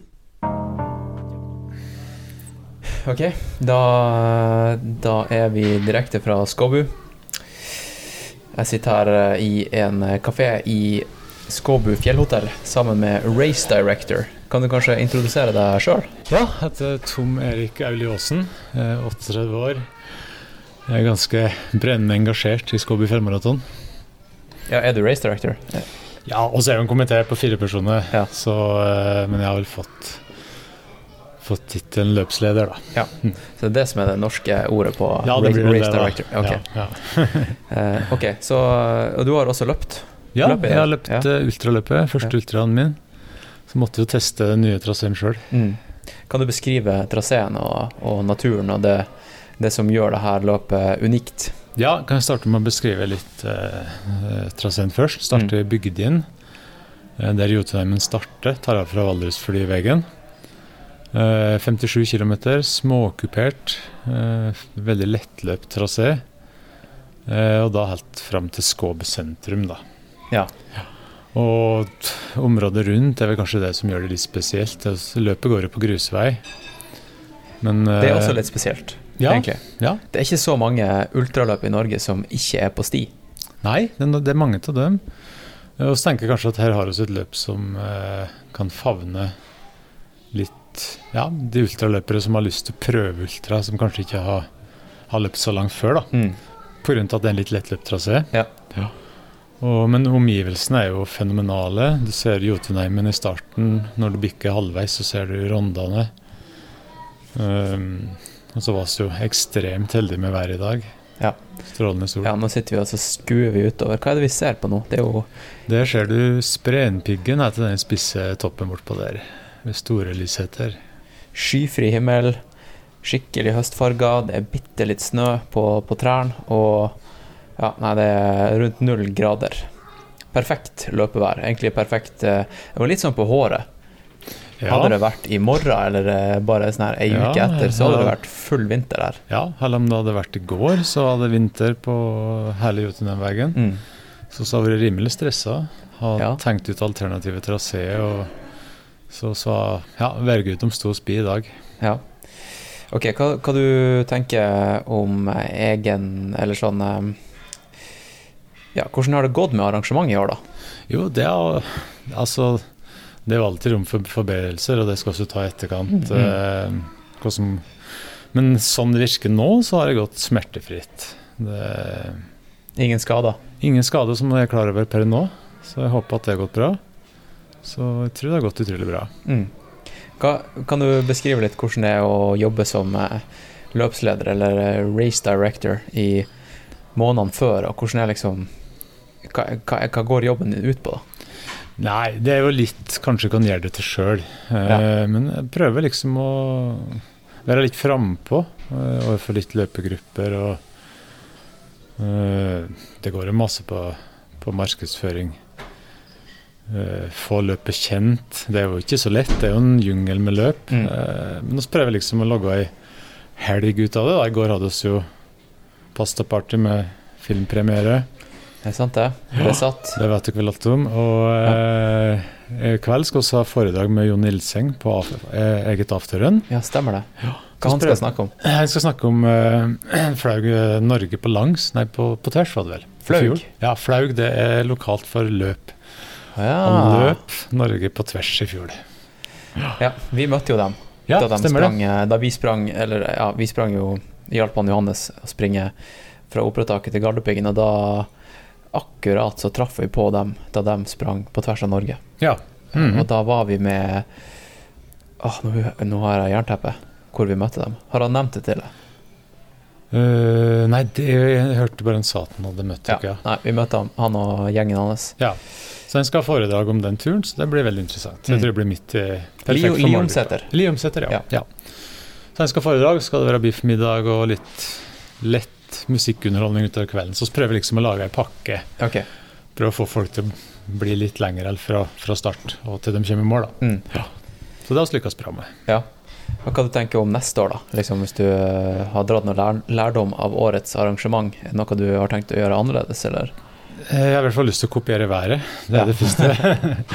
Nei, altså det, det må man jo ta litt i etterkant. Og skal ha litt spørreundersøkelser blant deltakere og se Mm. hva som kommer tilbake der. Og så må man også ta oppsummering internt. Eh, Men jeg har i hvert fall trua på Jotunheimvegløpet, Det ultraløpet det tror jeg har et større potensial enn det vi hadde med antall deltakere i år. da. Jeg tror, du kan, jeg tror dere kan kanskje begynne å markedsføre det som et sånn her skikkelig raskt løp. Ja, det var vi kanskje ikke klar over sjøl at det nei. var så raskt som det var. Ja. Fordi Så- det er mange som er gira på å liksom teste ut, ut eh, farta si over lange distanser. Ja, det tror jeg absolutt ja. ultraløp det går an å løpe kjapt i. Ja, det er nok fart. en av de raskere norske ultraløpene Ja. på den distansen. Men Ja. eh, dere er kanskje litt uheldige med at det er 57 km. Det er liksom ikke sånn her eh, estetisk 50 eller 50 miles. eller Nei, noe sånt, nei da, det er ikke noe sånn, sånt tall. Det er det Nei. ikke. Men når det er Jotunheimvegløpet så må vi nesten ta det fra A til Å Det på. Jotunheimvegen. Det er sant. Men det, eh, det som er kult, er jo den siste kneika dere har. Ja, og så har jeg litt innlagt motbakkeløp. Siste tre kilometer så har vi en mellomstasjon, og da er det 250 høydemeter fra den eh, stasjonen opp til mål, og der har vi et innlagt motbakkeløp da med, ja, med vinner. Så alle på alle distanser egentlig kan Ja, delta halv, på det? halvmaraton, maraton og ultra deltar på det. Ok, Så alle som springer det, de er indirekte med på det løpet? Ja. ja. Da så kåres det er en kåret. totalvinner, da. Og vinneren, det var en fra han som sprang Han som vant halvmaratonet, var det ikke? Ja, det var det. Det Ja. var vel både Ja, begge vinnerne, både dame og mann, var fra, fra halvmaraton. Okay. Men også har vi hatt vinner fra maraton tidligere, så det, det er mulig om en flyr litt lenger, da. Mm. Ok, kan vi kanskje snakke litt om deltakerne og prestasjonene. Var det noen heidundrende prestasjoner i dag, eller? Var det noen uh, overraskelser, eller? Nå har ikke Løyperekorder? Ja, det var løyperekord på halvmaraton for uh, menn. Ja, og eh, han Patrick fra Skyblazers, han tok jo også løyperekorden. Ja, det Men det holdt, det holdt ikke til seier. Nei, han var vel et, litt over et minutt bak seieren, så det var for så vidt sånn sett to løyperekorder. Det var vel det som var løyperekord. Nå har jeg ikke full oversikt over resultatet enda, nei. men det var nok det som var, var løyperekorden, ja. Mm. Ja, og du sprang jo sjøl. Du sprang jo ultraen. Ja, det var min første ultra. Veldig spent før start. eh, Har aldri fløyet lenger enn maraton, Mm. men det gikk overraskende bra. Hadde jo følge med en uh, Grattis, da. Jo, takk. Jeg hadde et litt hårete mål for meg sjøl på seks timer, og kom i mål på 5.30, så det var jo Feil en jevn fart og ja, klarte å holde den hele veien, helt til den siste bakken. da. Så jeg hadde jo selskap med en Johannes Strumeloff eh, Ja. Hovedkarakteren i dokumentarfilmen 'Besatt'. Mhm. Sikkert to av alle tre mil eh, løp sammen med så det var hyggelig, det. Ja. Og, og og, og, god hjelp, da. Ja. Ja. Det starta grytidlig. Eller? Ja, løpsstart var klokka åtte, men det er jo en times kjøring fra, fra start. Eller fra, fra Skåby sentrum til start, da. Mm. Så, så det var buss klokka halv sju, så det er jo tidlig nok for så vidt, men ja. Ja. Det er ikke det tidligste jeg har hørt om. Men nå fikk vi med oss soloppgangen på, på Bygdin, så det var, Ja, nice. var en nydelig start på dagen. Nice. Ja, hva du tenker om resten av helga, da? Er det Ja, det er foredrag i kveld, Ja. og så er det over? Ja, det er foredrag med, med middag etterpå. Og skal vi ha en liten restitusjonstur først på dagen i morgen for dem som er interessert i det. Mm. Opp på en liten topp uh, i bygda der. Så det er det som skjer resten av helga. Ja. Hva du tenker om eh, filmen 'Besatt', for, eh, forresten? Jeg var mektig imponert personlig, og det tror jeg var den var det som hørtes ut som folk sa i går. Mm. Så det var meget bra. Jeg åpna opp for, for en sånn spørsmålsrunde etterpå, men det var, det var litt sånn eh, norsk stemning der. Folk Ja. er litt sånn blyg. Ja, det var ikke så mange spørsmål. Eh, ingen torde egentlig å snakke, liksom, ta ordet. Nei. Men så kom de jo selvfølgelig etterpå. Ja. Frem bort til oss Mm. med masse, masse sjuke spørsmål. Sånn her Hvor mye bæsja du, Johannes, på turen? Liksom, sånn her, eh, sånn, det tør jo ikke folk å spørre om. Nei, nei. Men eh, ja, det var kult, det der. Altså. Ja, jeg pratet en del med Johannes om filmen i dag, og han fant jo Jotunheimstien som kryssa Jotunheimvegen, der vi løp i dag. Ja. Så det var litt artig, da. Fett. Ja, nei, sjøl da? Terningkast? Hele ja, helg- det er litt vanskelig å summe seg ennå, men En sub subjektiv terning. Ja, subjektivt det er vel kanskje vanskelig i dag, Ja. men eh, hvis vi skal si en personlig terning da, ut fra eh, for forventning og alt, så er det på en fem pluss, altså. Mm. Det, men det, det handler jo da om sånn vi ser det. så håper vi at deltakerne var rimelig fornøyde. Spesielt ultraløperne tror jeg var Jeg prater jo mange underveis og mange etterpå. Mange som har hatt en fin tur. Mm. Mm. Og så hadde vi, må jeg nevne at vi hadde en 30% økning totalt antall deltakere fra i fjor. Seriøst? Ja, så det er jo superbra. Da blir det, jeg tipper det blir eh, 100% økning neste år, etter at de har hørt den podkasten her. Håper på det. Ja. Mm. All right. Men eh, skal vi si det sånn, eller? Ja, absolutt. Og Ja. takk for at du tok turen oppover. Det var en glede. Takk for at vi fikk eh, komme og både løpe og vise besatt. Kjempebra. Mm. All right. Over og ut. Over ut. Ålreit. Da da er vi på vei tilbake fra Skåbu. Eh, en blazing weekend på Skåbu. Jeg vet, skal, vi starter på nytt igjen.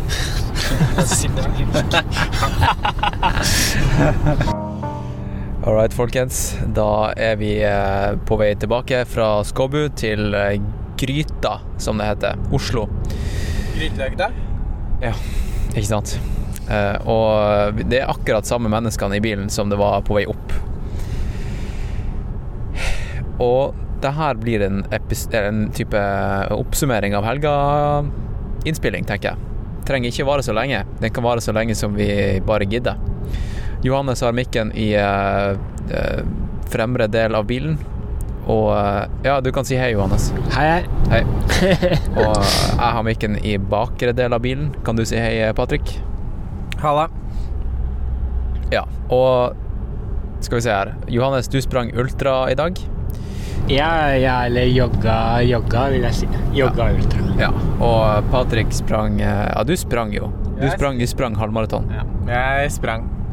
Jeg sprang ikke siste bakken, men jeg sprang. Og eh, skal vi se, Felipe, jeg og Felipe vi var på en joggetur opp i Vi skulle bare opp i, i, fjell, i fjellskrenta litt, og så fant vi jo fort ut at eh, det hadde jo kommet nysnø, og vi sprang i myr i ca. 1 12 time. Myr med snø på. Det er gøy. Ikke sant, Felipe? Yeah, that was fun. It was, especially coming down was super fun as well. Og så, ja, og så sprang vi ned da vi kom ned til Skåbu igjen. Så tok vi og sprang ned den siste bakken som de andre hadde som, ja, som siste bakke opp, da. Som er sånn ca. tre kilometer lang. Med hvor mange høydemeter? Eh, Jeg har ikke dobbeltsjekka, men alle lokale mente at det er, selve bakken er ca. 2,5 km lang og ca. 250 høydemeter. Ja, Så vi bare sprang den for å på en måte vite hva alle snakka om når de kom i mål, ikke sant? Eh, ok, så um, kanskje du, Johannes, kan starte med å fortelle om uh, Vet du hva? Vi kan ta og oppsummere Vi kan starte med gårsdagen. Fordi vi, vi viste jo filmen i går. Og du hadde jo aldri sett filmen før, uh, før i går. Hva, hva var dine inntrykk, eller hva tenkte du da du så filmen? Nei, eh, for meg var det jo engasjerende å se filmen, egentlig. Engasjerende, ok? ja, eller jeg, det var, handlet jo om meg, da, så det ble jo veldig narsissistisk. Men eh, jeg syns det var interessant å se hvordan eh, den var vinklet, hele historien. Ja. Og egentlig så ble jeg positivt overrasket over at det ble en eh, ordentlig dokumentar, da, rett og slett. For det, det jeg hadde sett fra før, var jo veldig grovt for eh, mange måneder siden. Og Ja, det var på en ja. måte ikke Det her var et uh, ferdig produkt, da, som uh, faktisk var Eller ikke faktisk, men det var uh, veldig bra, da. Ja. Syns jeg. Ja, jeg er helt enig. Hva du tenker Patrick? Om filmen i går? Ja, sånn, Du hadde jo sett filmen før, men eh, det var artig å, å se hvordan reaksjonene til folk var. Ja, jeg syns jo Eller jeg tror det var veldig positivt, alle de reaksjonene som var der i går, da. Noen som sikkert både syntes det var gøy, og noen som syntes det var sikkert rart å se et sånt prosjekt presentert òg, som ikke var helt inni det. Men eh, det var veldig mye positiv respons, og det kom jo noen spørsmål etterpå. Så er jo nordmenn som de er, da, har ikke lyst til å stille spørsmål høyt. Men eh, så fort vi sa at det var ferdig med spørsmål, så kom jo folk bort og hadde mange flere spørsmål. Så det, jeg syns det var kjempebra respons, jeg. Har du noen eksempel på noen spørsmål? Men Johannes husker han fikk jo mest av spørsmålene, men det kom jo mye rare spørsmål i går. Men jeg har ikke lyst til å finne på noen akkurat nå heller. Men jeg husker jeg svarte også på et rart spørsmål. Det rareste var en som spurte hvor, eh, hvordan avføringene var, og hvor mye, mange ganger jeg gikk på do i løpet av eh, ja, turen. Ja, kan, kan du, siden det var én som lurte på det, så er han sikkert ikke alene. Da kan jo du svare på det nå. Hvor mye avføring var det på Jotunheimstien? Hvor mye bæsja du? Jeg uh, det, Jeg veit ikke hvor mye, egentlig, men det var en del. Det var det. Jeg spiste jo, som jeg sa til han, jeg spiste jo mellom eh, åtte og Ja, rundt 8000 kalorier hver dag, kanskje. Så det blir jo Det, skal må jo ut. Ja. Ja. Hvordan eh, Men det var jo mye Jeg spiste mye Eller drakk mye Morten. Spiste mye smågodt, spiste mye gels. Ja, ok, så det er mye kom ut i urinen, sikkert. Eller sånn, det, var, Ja. det ble ikke til en fast eh, Men klump. Men det var ikke noe Ikke noe ja, Vi bør ikke snakke så mye om akkurat det her, men Nei, nei, men det er jo, det er jo som regel ultrafolk og, og folk som er mye ute, som hører på. Så de Ja, er jo ikke Men det var ikke noe sånn problematisk mage eller uh, avføringen, nei. Nei. nei. Så var det også en som spurte om eh, økonomi, hvor mye eh, budsjett vi hadde for hele turen. Og da kom vi vel fram til at det var cirka Hva du svarte da, Johannes? Eh, jeg tror sånn cirka 8000 Totalt? Ish. Ja. Men det var ikke noe budsjett. Det var bare mer sånn at det var det det kosta. Det var et Vipps-oppgjør. Liksom. Det er jo alle som var med, spleisa, på en måte. Ja. Ok. Og ja, det var vel ingen sånne her andre Det var masse andre små spørsmål, men kanskje ikke noen sånne her store? Eller var det noen andre du husker? Nei, ikke akkurat nå, faktisk. Det var bare sånn Det er mye sånn generelle Ja, hva Ja, nei. Jeg husker ikke, altså. Nei. nei. Og så var det opp i, i dag tidlig, da. Du skulle ta bussen til Var det til Bygdin? Ja, bussen til Bygdin gikk klokken halv syv, så jeg sto opp kvart over fem i morges. Og spiste frokost sammen med Patrick, som sto opp, var snill og sto opp sammen med. Det må jeg si, det var sympatisk gjort, eh, Patrick. Ja, jeg var mest gira på å spise mest mulig av den frokosten før alle andre løperne fikk tatt den. Nei, jeg synes det var hyggelig da, når vi først var her på tur sammen, og vi er, ingen var her hovedsakelig for å løpe løpet. Så det ble jo en hyggelig ting vi skulle gjøre i tillegg. Så da er det på en måte Jeg skulle ikke optimalisere mitt løp så mye at jeg ikke kunne klare å stå opp og spise frokost med han. Da. Det var hyggelig, det. Så gøy å se hvem andre som skulle løpe og skulle på den bussen for det ultraløpet. For det var første gangen de arrangerte det i år. Ja. Ja, nettopp, ja. Ok, du satte på bussen. Det var sikkert eh, bekmørkt, tenker jeg. Ja, det var bekmørkt, og så kjørte du eh, til Jotunheimen, rett og slett. I en time. Eh, og så Ja, i løpet av den turen så gikk jo Eller bussturen så gikk sola opp. Og det var jo Ja, fantastisk eh, soloppgang, da. Ja, det kan- Kitsch. Kitsch. nå, nå kan vi jo Vi kan jo prøve å beskrive hvor vi er nå, da. Det jo, vi kjører jo over brua med, med Lillehammer. Og det er igjen fantastisk vær. Og vi spiller vel kanskje inn ja, litt tidligere enn vi gjorde i går, da. Men sola har gått ned bak åsen her. Skyfri himmel. Fantastisk eh, vær å kjøre i. Ikke sant, Filipe? Yeah, that was uh, super nice. Ja, ja. Eh, Fortell litt om løpet, da. Du tok det jo super easy. Du hadde med, til og med med deg kamera rundt eh, halsen. Hva du, hva du tok bilde av underveis, da? Eh, nei Underveis tok jeg bilde av litt eh, av omgivelsene og mye løpere. Så egentlig så bare løp jeg Jeg jogga, vil jeg si. Tok det Ja. Og jeg løp litt ut i terrenget, tok bilder av litt folk. Du tok noen sidespor? ja. Og så løp jeg faktisk forbi Jo- Plutselig kjente jeg meg igjen fra Jotunheimstien. Altså, Som var et sted vi, som jeg løp sammen med Mats. Og ja, så bare gikk jeg og bare kjente litt på den stien. så løp jeg videre. Det ble jo egentlig bare det Hele løpet følger jo en vei som heter Jotunheimveien. som er eh, Går fra bygdene da ned til Jeg veit ikke helt hvor den ender. Sikkert kanskje Vinstra eller sånn. Nå må ikke du få noen sjuke ideer her. Men i hvert fall så øh, Løpet går jo bare på grusvei. Men omgivelsene er helt eh, ve- er veldig fine, da. Så Ja. egentlig så tenk, Man tenkte ikke så mye på at du bare dunka grus, da.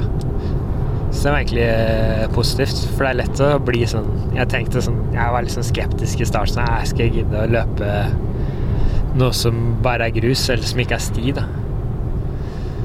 Så veldig positivt overrasket over hvor flott det egentlig var. Og pluss, ja Det er jo lett å bli litt sånn snobbete på det òg, at du bare skal løpe blåsti eller fjell T-merka sti. Så det er bra å prøve litt andre ting òg. Ja, i fjor prøvde du jo til og med å springe Bislett 24. Ja. For å få en litt annen kontrast. Så ja, jeg tror det er bare bra å brekke opp litt, da. Altså, ikke bare ja, Både for hodet ditt, men også for kroppen, da. Ja.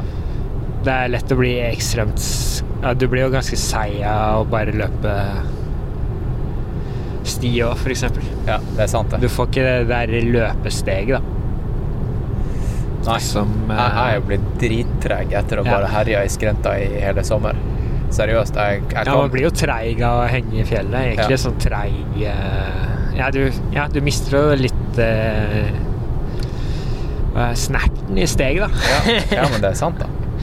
Så Men eh, ikke det at det er det viktigste, men Uansett så syns jeg det var et superløp. Det var morsomt å bare se ja, folka eh, Ja. Jeg ser folk som jeg egentlig ikke pleier å løpe med, da. For å si ja. Ja.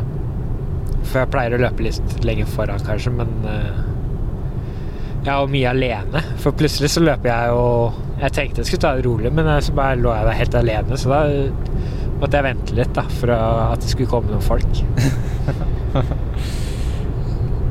så Nei, nei det var bra, bra løp. Jeg anbefaler det. Altså. Ja, fett. Eh, Jeg vil gjerne få en liten race debrief av han eh, Patrick, og så kan vi ta og snakke om eh, hva som skjer 19. oktober i Lillemarka. Yes, Etter det. det blir bra. Ok, Patrick. Ja, jeg løper jo ganske kort i dag i forhold til Johannes, så det blir jo en kort uh, debrief òg. Men eh, jeg løp eh, 21 km, halvmaraton. Ja, du hadde jo, Jeg så du satt og så på Strava på splitsene dine mens jeg og Johannes prata nå. Det noe interessant?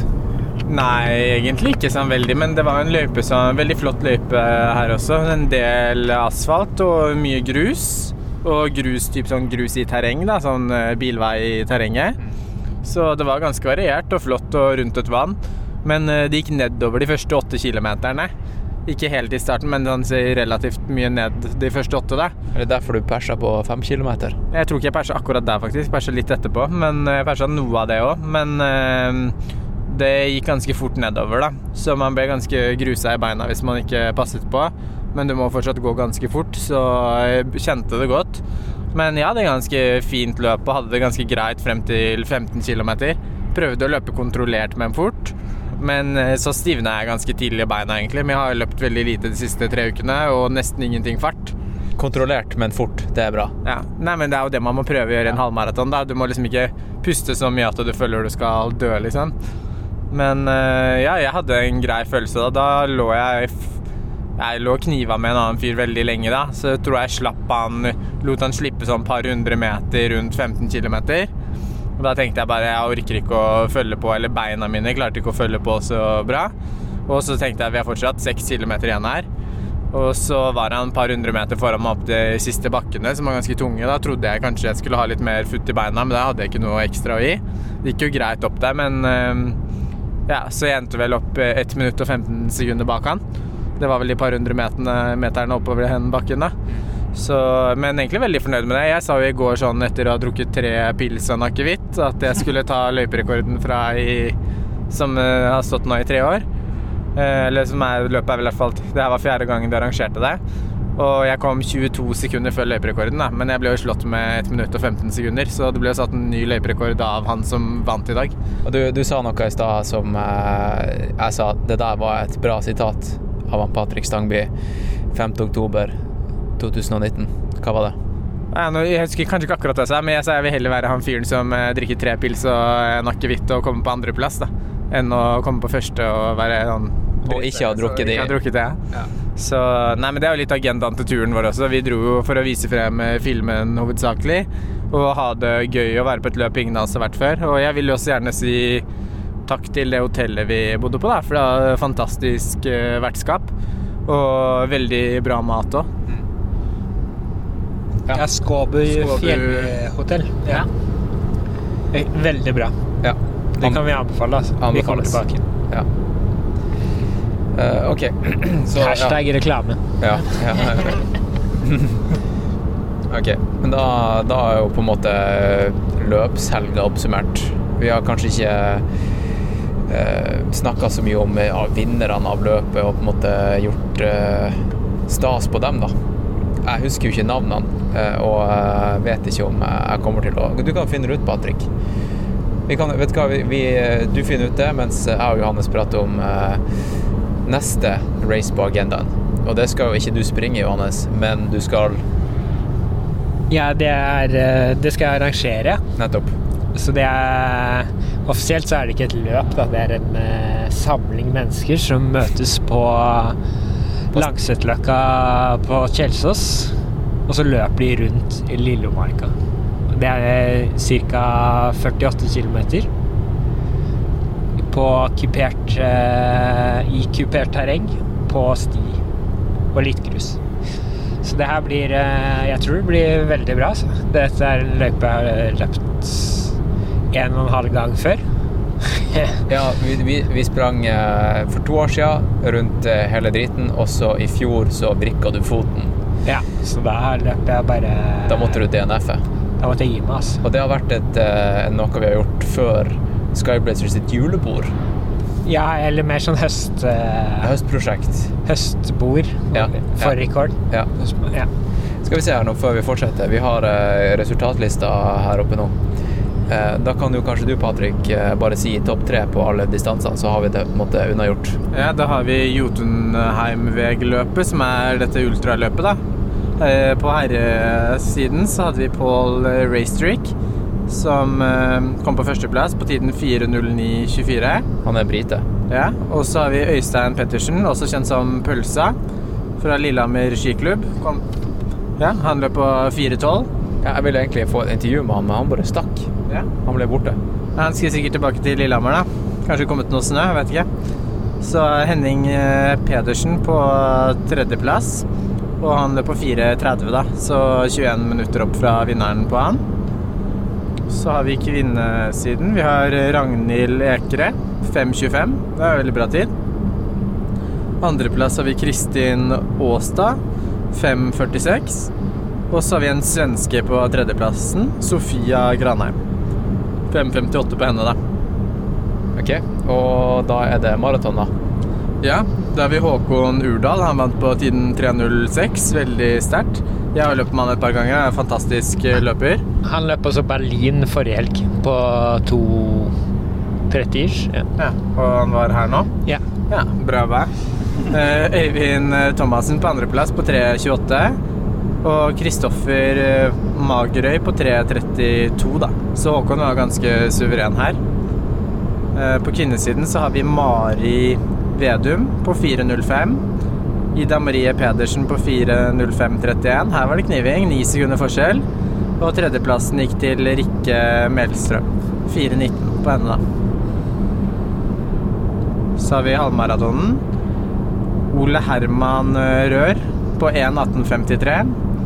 Så var det meg på andre, da, på 1.20,08. Og så hadde vi en som heter Mikolai.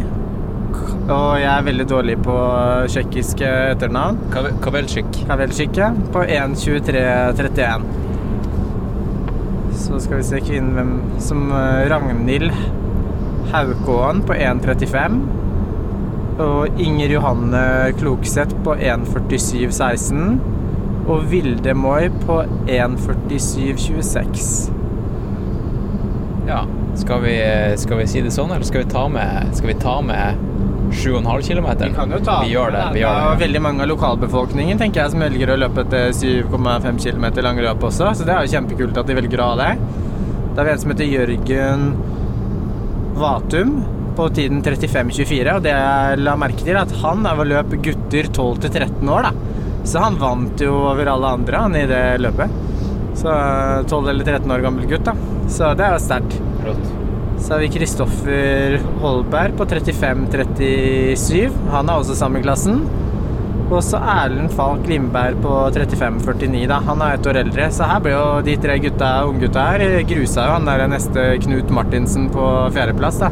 Han løper jo for med i menn 30 til 39 år. Så det er kult å se at uh, det er et løp for de unge òg, da. Så på kvinnesiden har vi en dame som heter Heidrun Okstad på første, 40-41. Ellen Sandbakken på 43-18. Og Marie Lindberg på 44-18. De er litt eldre alle sammen, da. Ja. All right. Bra jobba, folkens. Bra jobba. Og Johannes, Johannes, mens vi ramser opp navn her, har du, har du tenkt litt på eh, hvor du vil ta praten videre om, eh, om Lillomarka rundt-løpet? Ja, fordi hva var det jeg sa egentlig? Jo, jeg, Ja, hvis vi- det siste vi sa, var vel at det ja, har vært vi løper måte- rundt. Ja. Ja. At vi har gjort det et par ganger før. Og jeg gjorde det også forrige helg. Eh, løp store deler av løypa, da. Ja. Og det, det er egentlig noe jeg har jeg tenkte på en gang. Å løpe rundt, eller runde Lillomarka, som jeg kaller det. Og så har det egentlig bare eh, tenkt at det også kunne vært et flott eh, stiløp, da. Og et ultraløp i Oslo. Fordi det er ikke så mye ordentlig terrengløp i Oslo, da. Sånn jeg ser det. Nei, for hvem- hvem er det du Jeg vil ikke si konkurrerer mot, men liksom, hvem, hvilke andre typer ultraløp er det som finnes i Oslo og omegn? Ja, nå har de jo gamle Nordmarka Ultra Challenge, som nå har blitt Oslo Trail Challenge og tatt over av eh, Monica Kjelsberg og de, beste, de som arrangerer Blefjells beste. Det går jo i dag, faktisk. Nå så Det er jo et 100 km løp og et 50 km løp som går i Nordmarka. Og de har vel også en 200 km løp.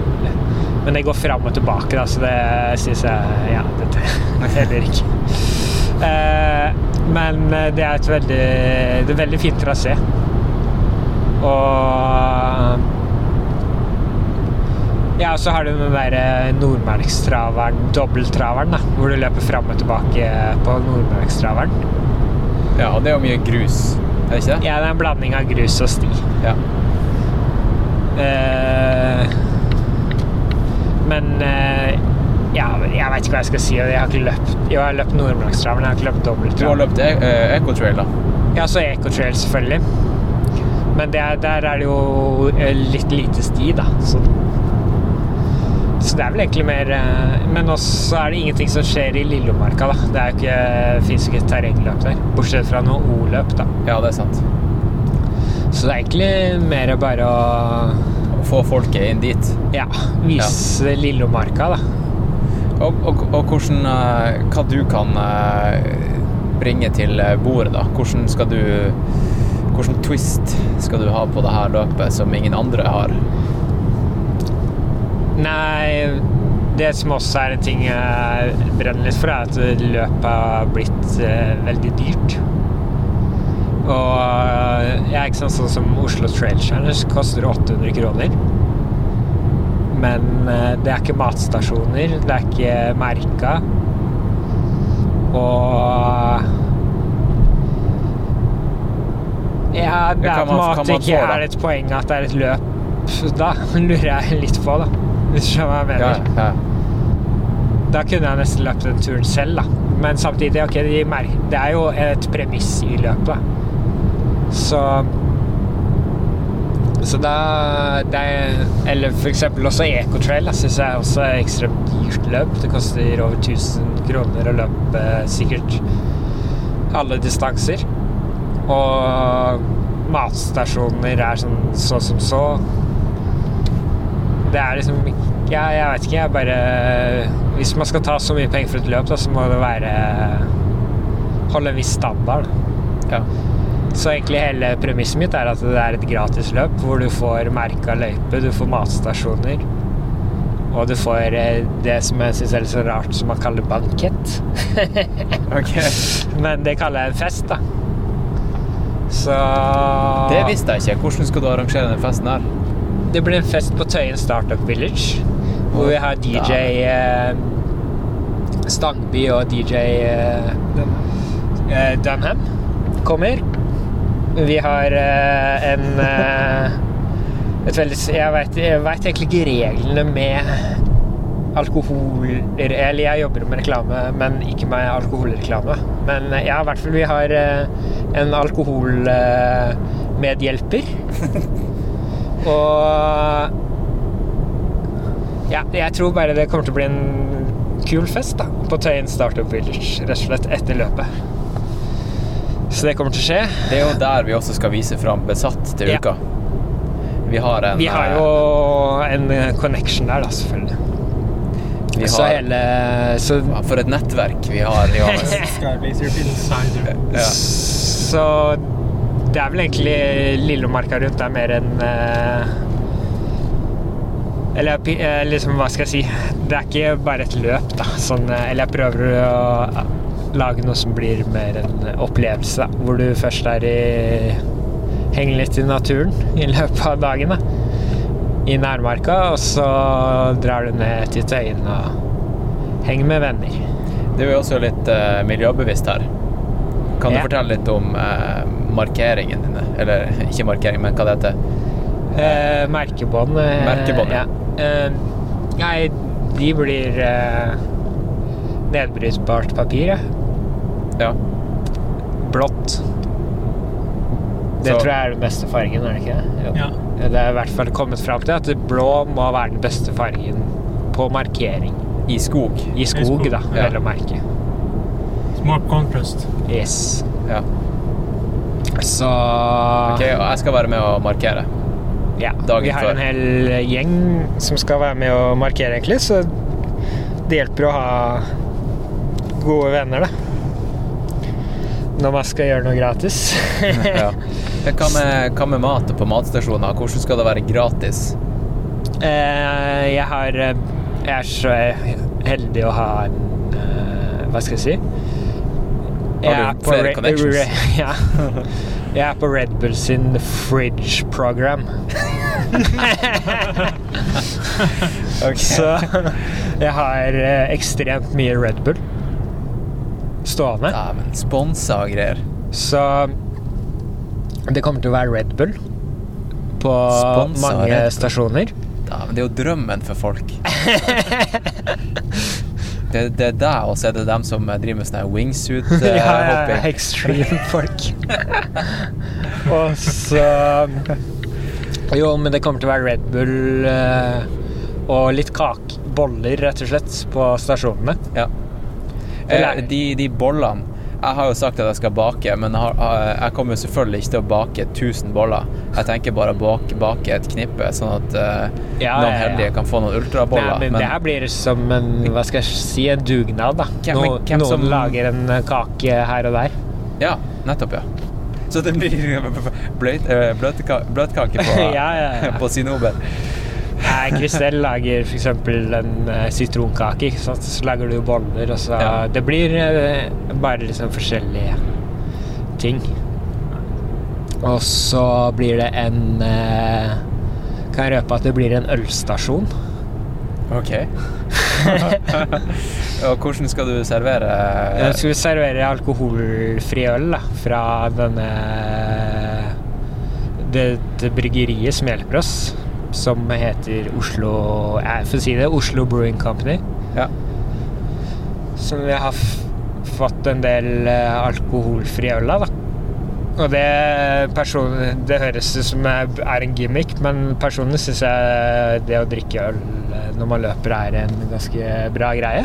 Ja, alkoholfritt. Ja, ja, alkoholfri. Ja, ja, ja. Du, jeg er helt enig. Jeg bruker eh, masse alkoholfri øl. eh, Ikke Ikke mens Jo, vørterøl. Kan man si at det er alkoholfri øl? Ja, det vil jeg si. Ja. Det her, blir, det her er jo ikke vørterøl, men eh, jeg har drukket det på, bare på ett løp, da, hvor de serverte det i Cape Town. Uh, og det var veldig forfriskende, syns jeg. Og så har jeg drukket det litt sånn Ja, sånn som når vi var i Alpene nå. Ja. Så drakk jeg litt uh, mye radler da, mens jeg løp, f.eks. Ja. Uh, det funker bra, det, altså. Så det blir en stasjon med det. Så det er vel egentlig det som blir i løypa. Så Så kan du jo spise de her båndene også, merkebåndene, hvis de Ja, ja, er nedbrytbare. Så i teorien kan du jo gå tyggere på dem. Nei, så det er bare å lage Ja, lage et det, det her blir jo et prøveløp, da, så hvis jeg, de tingene jeg sier nå, hvis det her går, ja, går til helvete, så håper jeg ingen arresterer meg på det, men, uh, Men det blir jo litt dette sånn er planen, da. det blir jo litt sånn Barkley, da. Det koster én dollar å løpe, så hvis, hvis du ikke er fornøyd med organisasjonen og eller opplegget, så kan du ta deg en bolle. Yes. Altså, du har ikke Ja, hvis det ikke er tungt. Ja. ja, men det høres jo fett ut. Mm. Ok, jeg, jeg tenker på en ting. Eh, Siden du vil ha litt sånn miljøbevisst eh, profil på det. Har du lyst til å nekte folk å fly til det løpet? ja, jeg har ikke hørt om noen som skal fly det, så jeg håper ikke Det er også en ting, da. Ja, det kan jeg si at eh, når jeg var i Chamonix nå eh, Nå fløy jeg ikke ned, det skal bare sies. Eh, men eh, det er en annen historie. Men eh, da tenkte jeg på sånn her eh, Det er helt absurd at et Ikke sånn som UTMB da, skal prøve å Eller de, nek de har ikke kopper. Du må ha med deg din egen kopp, for, eh, for da er de miljøvennlige. Men det er 10 000 mennesker som har flydd ned dit for å løpe det løpet. Og som kjøper seg en kopp der nede for å At de ikke kan ha pappkrus, da. det er jo- Det er jo helt Det er jo absurd. Så, eller det jeg også tenkte da, var sånn nei, vi må ha mer eh, alternativer i Norge da, som virkelig er bra. Og det er masse bra Det er mange bra løp. Altså, det er ikke noe og de, Skåbu, eksempel. Ja, Skåbu eller KRS og Oslo Trail Challenge er også Det er ikke noe sånn at jeg rakker ned. Jeg prøver ikke å rakke ned på noen. Det er bare mer at det er ting Eller jeg ønsker at det er flere Ser at det er behov for flere liksom eh, løp som har samme standard da, som eh, man ser i Spania og, og Italia. Og Frankrike, som vi var i. Frankrike var vi. det tror jeg Ja, da tenkte jeg sånn Ja, ikke sant, vi burde lage et eh, Eller da fikk jeg lyst til å lage et ordentlig 100-milsløp, f.eks. i Jotunheim. Som er eh, merka og g- går på relativt gode s- eh, ja, stier og ha stasjoner og ja. Ja, det, det er er ingen- derfor man gjør løp, da. Det er ikke for å Ja, Ja, man kan dra på en tur eh, alene. Eller sammen med venner. Men eh, løp gjør det jo fordi du kan gjøre de eh, drøye tingene uten at du har eh, Et med. Ja, jeg har, jeg har et crew, eller at du har uh, bærer uh, liksom rasjon, altså mat og drikke for eh, å løpe rundt i 30 timer, da, eller mer. Ja. Det er i hvert fall sånn jeg ser eh, løpets funksjon. Ja, så er det jo Mange springer jo noen løp bare for å få poeng for et eller annet eh, For å kunne legge et lodd i hatten for et annet løp. Ja. Vi kjenner jo flere som har eh, stilt i løp som de ikke egentlig har lyst til å løpe, bare for å kunne stille i et annet løp neste år. Eh, Hva du tenker om, om det, da? For at eh, Lillemarka rundt, da, du får ikke noe ITRA-poeng eller UTMB-poeng der. Nei, der tenker jeg det er bare en eh, Det kan hende du får det etter hvert, men eh, jeg tror Jeg tror også mange løper løp bare for å løpe løp. Det her er også mer enn Hva skal jeg si Det er ikke løp Det er ikke det viktigste å vi løpe sykt bra, eller Det er jo mer å bare være ute oppleve Lillomarka, da, som kanskje ikke alle kjenner, og så komme langt inn i Lillomarka. da. Ja, gjør du det, eller du springer bare rundt? Får du oppleve Lillomarka hvis du springer rundt? Ja, ja, ja. Du løper jo oppå alle de store toppene. Du er innom Brenneberget, som er den høyeste toppen. Du er innom Røverkollen, og du er innom eh, Grefsenkollen. Du er innom Balinåsen. Du er innom Grytlihøgda. Ja, Du får kremen. Du Du får får, mye krem. Men eh, hvis du, virk, hvis du virkelig liksom vil toppe hele den her eh, Lillomarka-greia, da Så hvis du har løpt Lillo Trail i tillegg, da får du liksom da kan jeg, Og du løper Lillomarka rundt, da kan du si at du liksom Du har vært i Lille... Ja, da har du vært på det meste av det Lillomarka har å by på, tenker Ja. jeg. Ja, du er innom eh, Nei, er det liksom bold å si, eller er du enig, eh, Patrick? Det fins vel noen orienteringsløp man også kan gjøre for å virkelig føle at man har eh, Ja, ja, absolutt. Nå, bare, nå sier jeg jo, promoterer jeg bare mine egne ting, da. Altså. Ja. Men eh, det er greit å promotere når, man, når det er gratis, tenker jeg. Ja. Og hadde du hatt noe du tjente penger på via podkasten, så skulle du fått lov til å uh, snakke om det også her. Ja. Uh, husker du da vi skulle til Røverkollen den, gang, den gangen? Ja, ja, ja. ja. Tok T-banen helt feil. Havna i Østmarka. Havna på Furuset. Stemmer det. Ble en fin tur, det. Ja, ja, ja. Nei, men øh, Jo, så tror jeg det er en fin Det er mange som har spurt meg om det er en sånn Er det en bra inngang til ultra, da, å løpe Lillemarka rundt. Og det tror jeg, hvis man liker sti, vel å merke. Det er mye sti, da. Altså, det, man kan ikke regne med at det, her, det er et løp som kommer til å gå fort. Eller øh, Eller noe sånt, men eh, Ja, altså, hvem vet? Kanskje det stiller noen raske jævler. det, Jeg veit at det kommer en del raske folk, da, faktisk. Hva tror du eh, blir løyperekorden i år?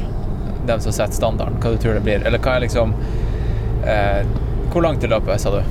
Hvor langt er det? Det er ca. 48 km, tror jeg. Ikke, sant? Så da vil jeg tippe at eh, sub eh, Sub, Sub. eh, 3.45, da er du sykt rask. Sti?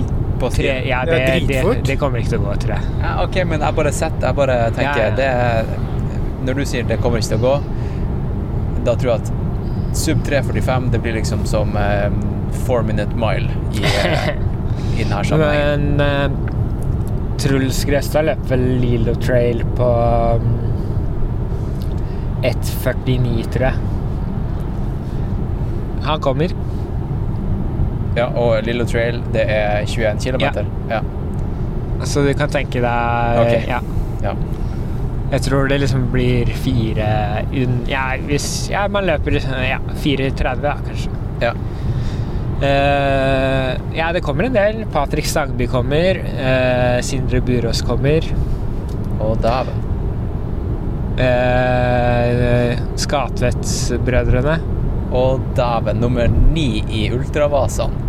Eller Nei, over nei, ja, nei, Skatvedt kommer ikke, altså. Jeg bare, Ja, han kommer ikke. Ja, okay. Han er veldig lei seg, har han sagt, faktisk. Ja. Men broren hans kommer? Ja. Ok. Uh, er det noen flere raske folk på gang? Nei. Noen vi ikke kjenner. Ja, helt sikkert. Kommer Men- han eh, Runar Sæter? Uh, nei, han tror jeg faktisk ikke kan, ass, dessverre. Mener han har sagt at han ikke kan. Ja. Det snakka jeg om Felipe om i stad på, på stien, var at han Runar sin rolle i, uh, i Besatt-filmen var egentlig ganske Den var ganske nice, fordi han sitter liksom oppe i, på en stubbe ute i skogen Ja. som en sånn eh, skikkelig erfaren ultraløper. Og liksom bare, han var jo ikke med på ekspedisjonen, men han bare er der som en landslagsløper Ja, og kommenterer er hvor, hvor drøyt det er. Det var egentlig ganske nice. Nei, men uh, det er ikke så viktig å løpe fort, da. Selvfølgelig. Uh, det viktigste er bare å er naturnærværet du får i løpet av denne turen. Ja, det så, tror jeg. så vet jeg at det kommer eh, en, noen som kjører fra Bømlo. Han Ruben kommer. Han gjør det. Ruben og kona tror jeg tar en weekendtur i, til Oslo. Det er raft. Jo, og det kommer en legende, faktisk. Og da bruker jeg ikke legende i eh, eh, Ja, nå, jeg mener det. Olav Engen. Kommer han? Skal løpe Lillom... Han skal løpe Lillomarka rundt. Han er, ligger i hardtrening, faktisk. Han har skrevet om det her nå. Jeg beklager at jeg sier Jeg vet ikke hvorfor jeg sier veldig mye faktisk. Jeg tror det var fordi jeg brukte det faktisk i stad, så kommenterte jeg det, og så har jeg begynt å bare Ja. Uansett. Olav Eng kommer. Han har Faktisk. skrevet en bloggpost om uh, treningen sin til et par ultraløp denne høsten, og der står eh, Lillomarka rundt. Kan du si til dem som ikke vet hvem det er, hva, kan du fortelle hvem er han Olav Engen? Hvorfor er han legende? Olav Engen er jo en av de gamle gutta som eh, løp eh, eh, Løp ultra på 90-tallet. Jeg vet ikke, ja. Jeg tror det var 90, det var jo 90-tallet. De løp masse De gjør det masse rart i Nordmarka og, og sånn. Og, så er han jo generalsjef, eller hva man kaller det i, eller han startet Romerike ultraløpklubb, som er Norges største ultraløpklubb. Og han eh, arrangerer eh, Romeriksåsen på langs, som også er et eh, veldig, veldig bra ultraterrengløp. I ordets rett forstand. Og Det var mitt debutløp. Ja, det stemmer. Og han arrangerer eh, Bislett 24. Og han er ganske så engasjert i kondis. Det er sant. Han skriver også for Kondis. Jeg tror ikke bare han skriver der. Han jobber vel fordi en, Ja. Han Ja. har en stilling der, da. Ja. Så han er jo også, jeg jeg vil kalle han en ildsjel og en, på en måte en, eh, Absolutt en en ekstrem bidragsyter i norsk eh, løping. Ja. ja. Så det er stas. Ja, det er fett. Og så, ja, vi har møtt han en, eh, en del ganger i forbindelse med ja, forskjellige løp og sånt. Han er jo veldig trivelig kis, så det blir artig å se han eh, komme og prøve å prøve seg på, i Lillemarka. OK. Um, da har ikke jeg mer på Jeg har rett og slett ikke noe mer jeg har lyst til å prate om. Nei, ikke jeg heller. Jeg Jeg er rett og slett fed up. Ja. du har jo prata masse. Så. Eller du har gjort mange intervjuer i dag. Så. Ja, det har jeg. vært på jobb. Virkelig. Eh, Du da, Patrick, har du noe på hjertet? Nei, jeg gleder meg til å løpe Lillemarka rundt, da, men jeg gleder meg like mye til festen etterpå, jeg. Ja. Det er det eneste jeg hadde på hjertet. Helt Ja, det, det viktigste er ikke å vinne løpet, men å vinne festen. Det er sant. Og, og Felipe, Uh, last words? I have just a qu- quick question. Is it open for anybody, the party? Or do you have to run? No, now it's open for everybody. Right. Yeah. And just come, people. Just come. Kan vi også bare ta Skal vi se her Er det ikke det? Jo, jo, jo. Kan jeg også bare si at um, Skal vi se her, hva, hvilken dato er det i dag? Er det femte? Ja. Og når er det denne eh, Besatt-filmen eh, skal vises på Tøyen? Torsdag. Torsdag. Tiende. Tiende. Så førstkommende torsdag. F- Førstkommende torsdag. Ok. Da skal jeg få denne episoden ut før torsdag. Eh, og så oppfordrer jeg så mange som mulig til å komme, egentlig. Dukke opp klokken 19. Filmen rulles klokken 20.00. Og dukke opp på Og hvis du har lyst på en smakebit av uh, Jotunheimstien, så løper vi fra Operataket 18.30. Det blir en halvtimes løpetur. Ja. I Finstas. I Finstas. Det vil si split shorts. OK. Over og ut.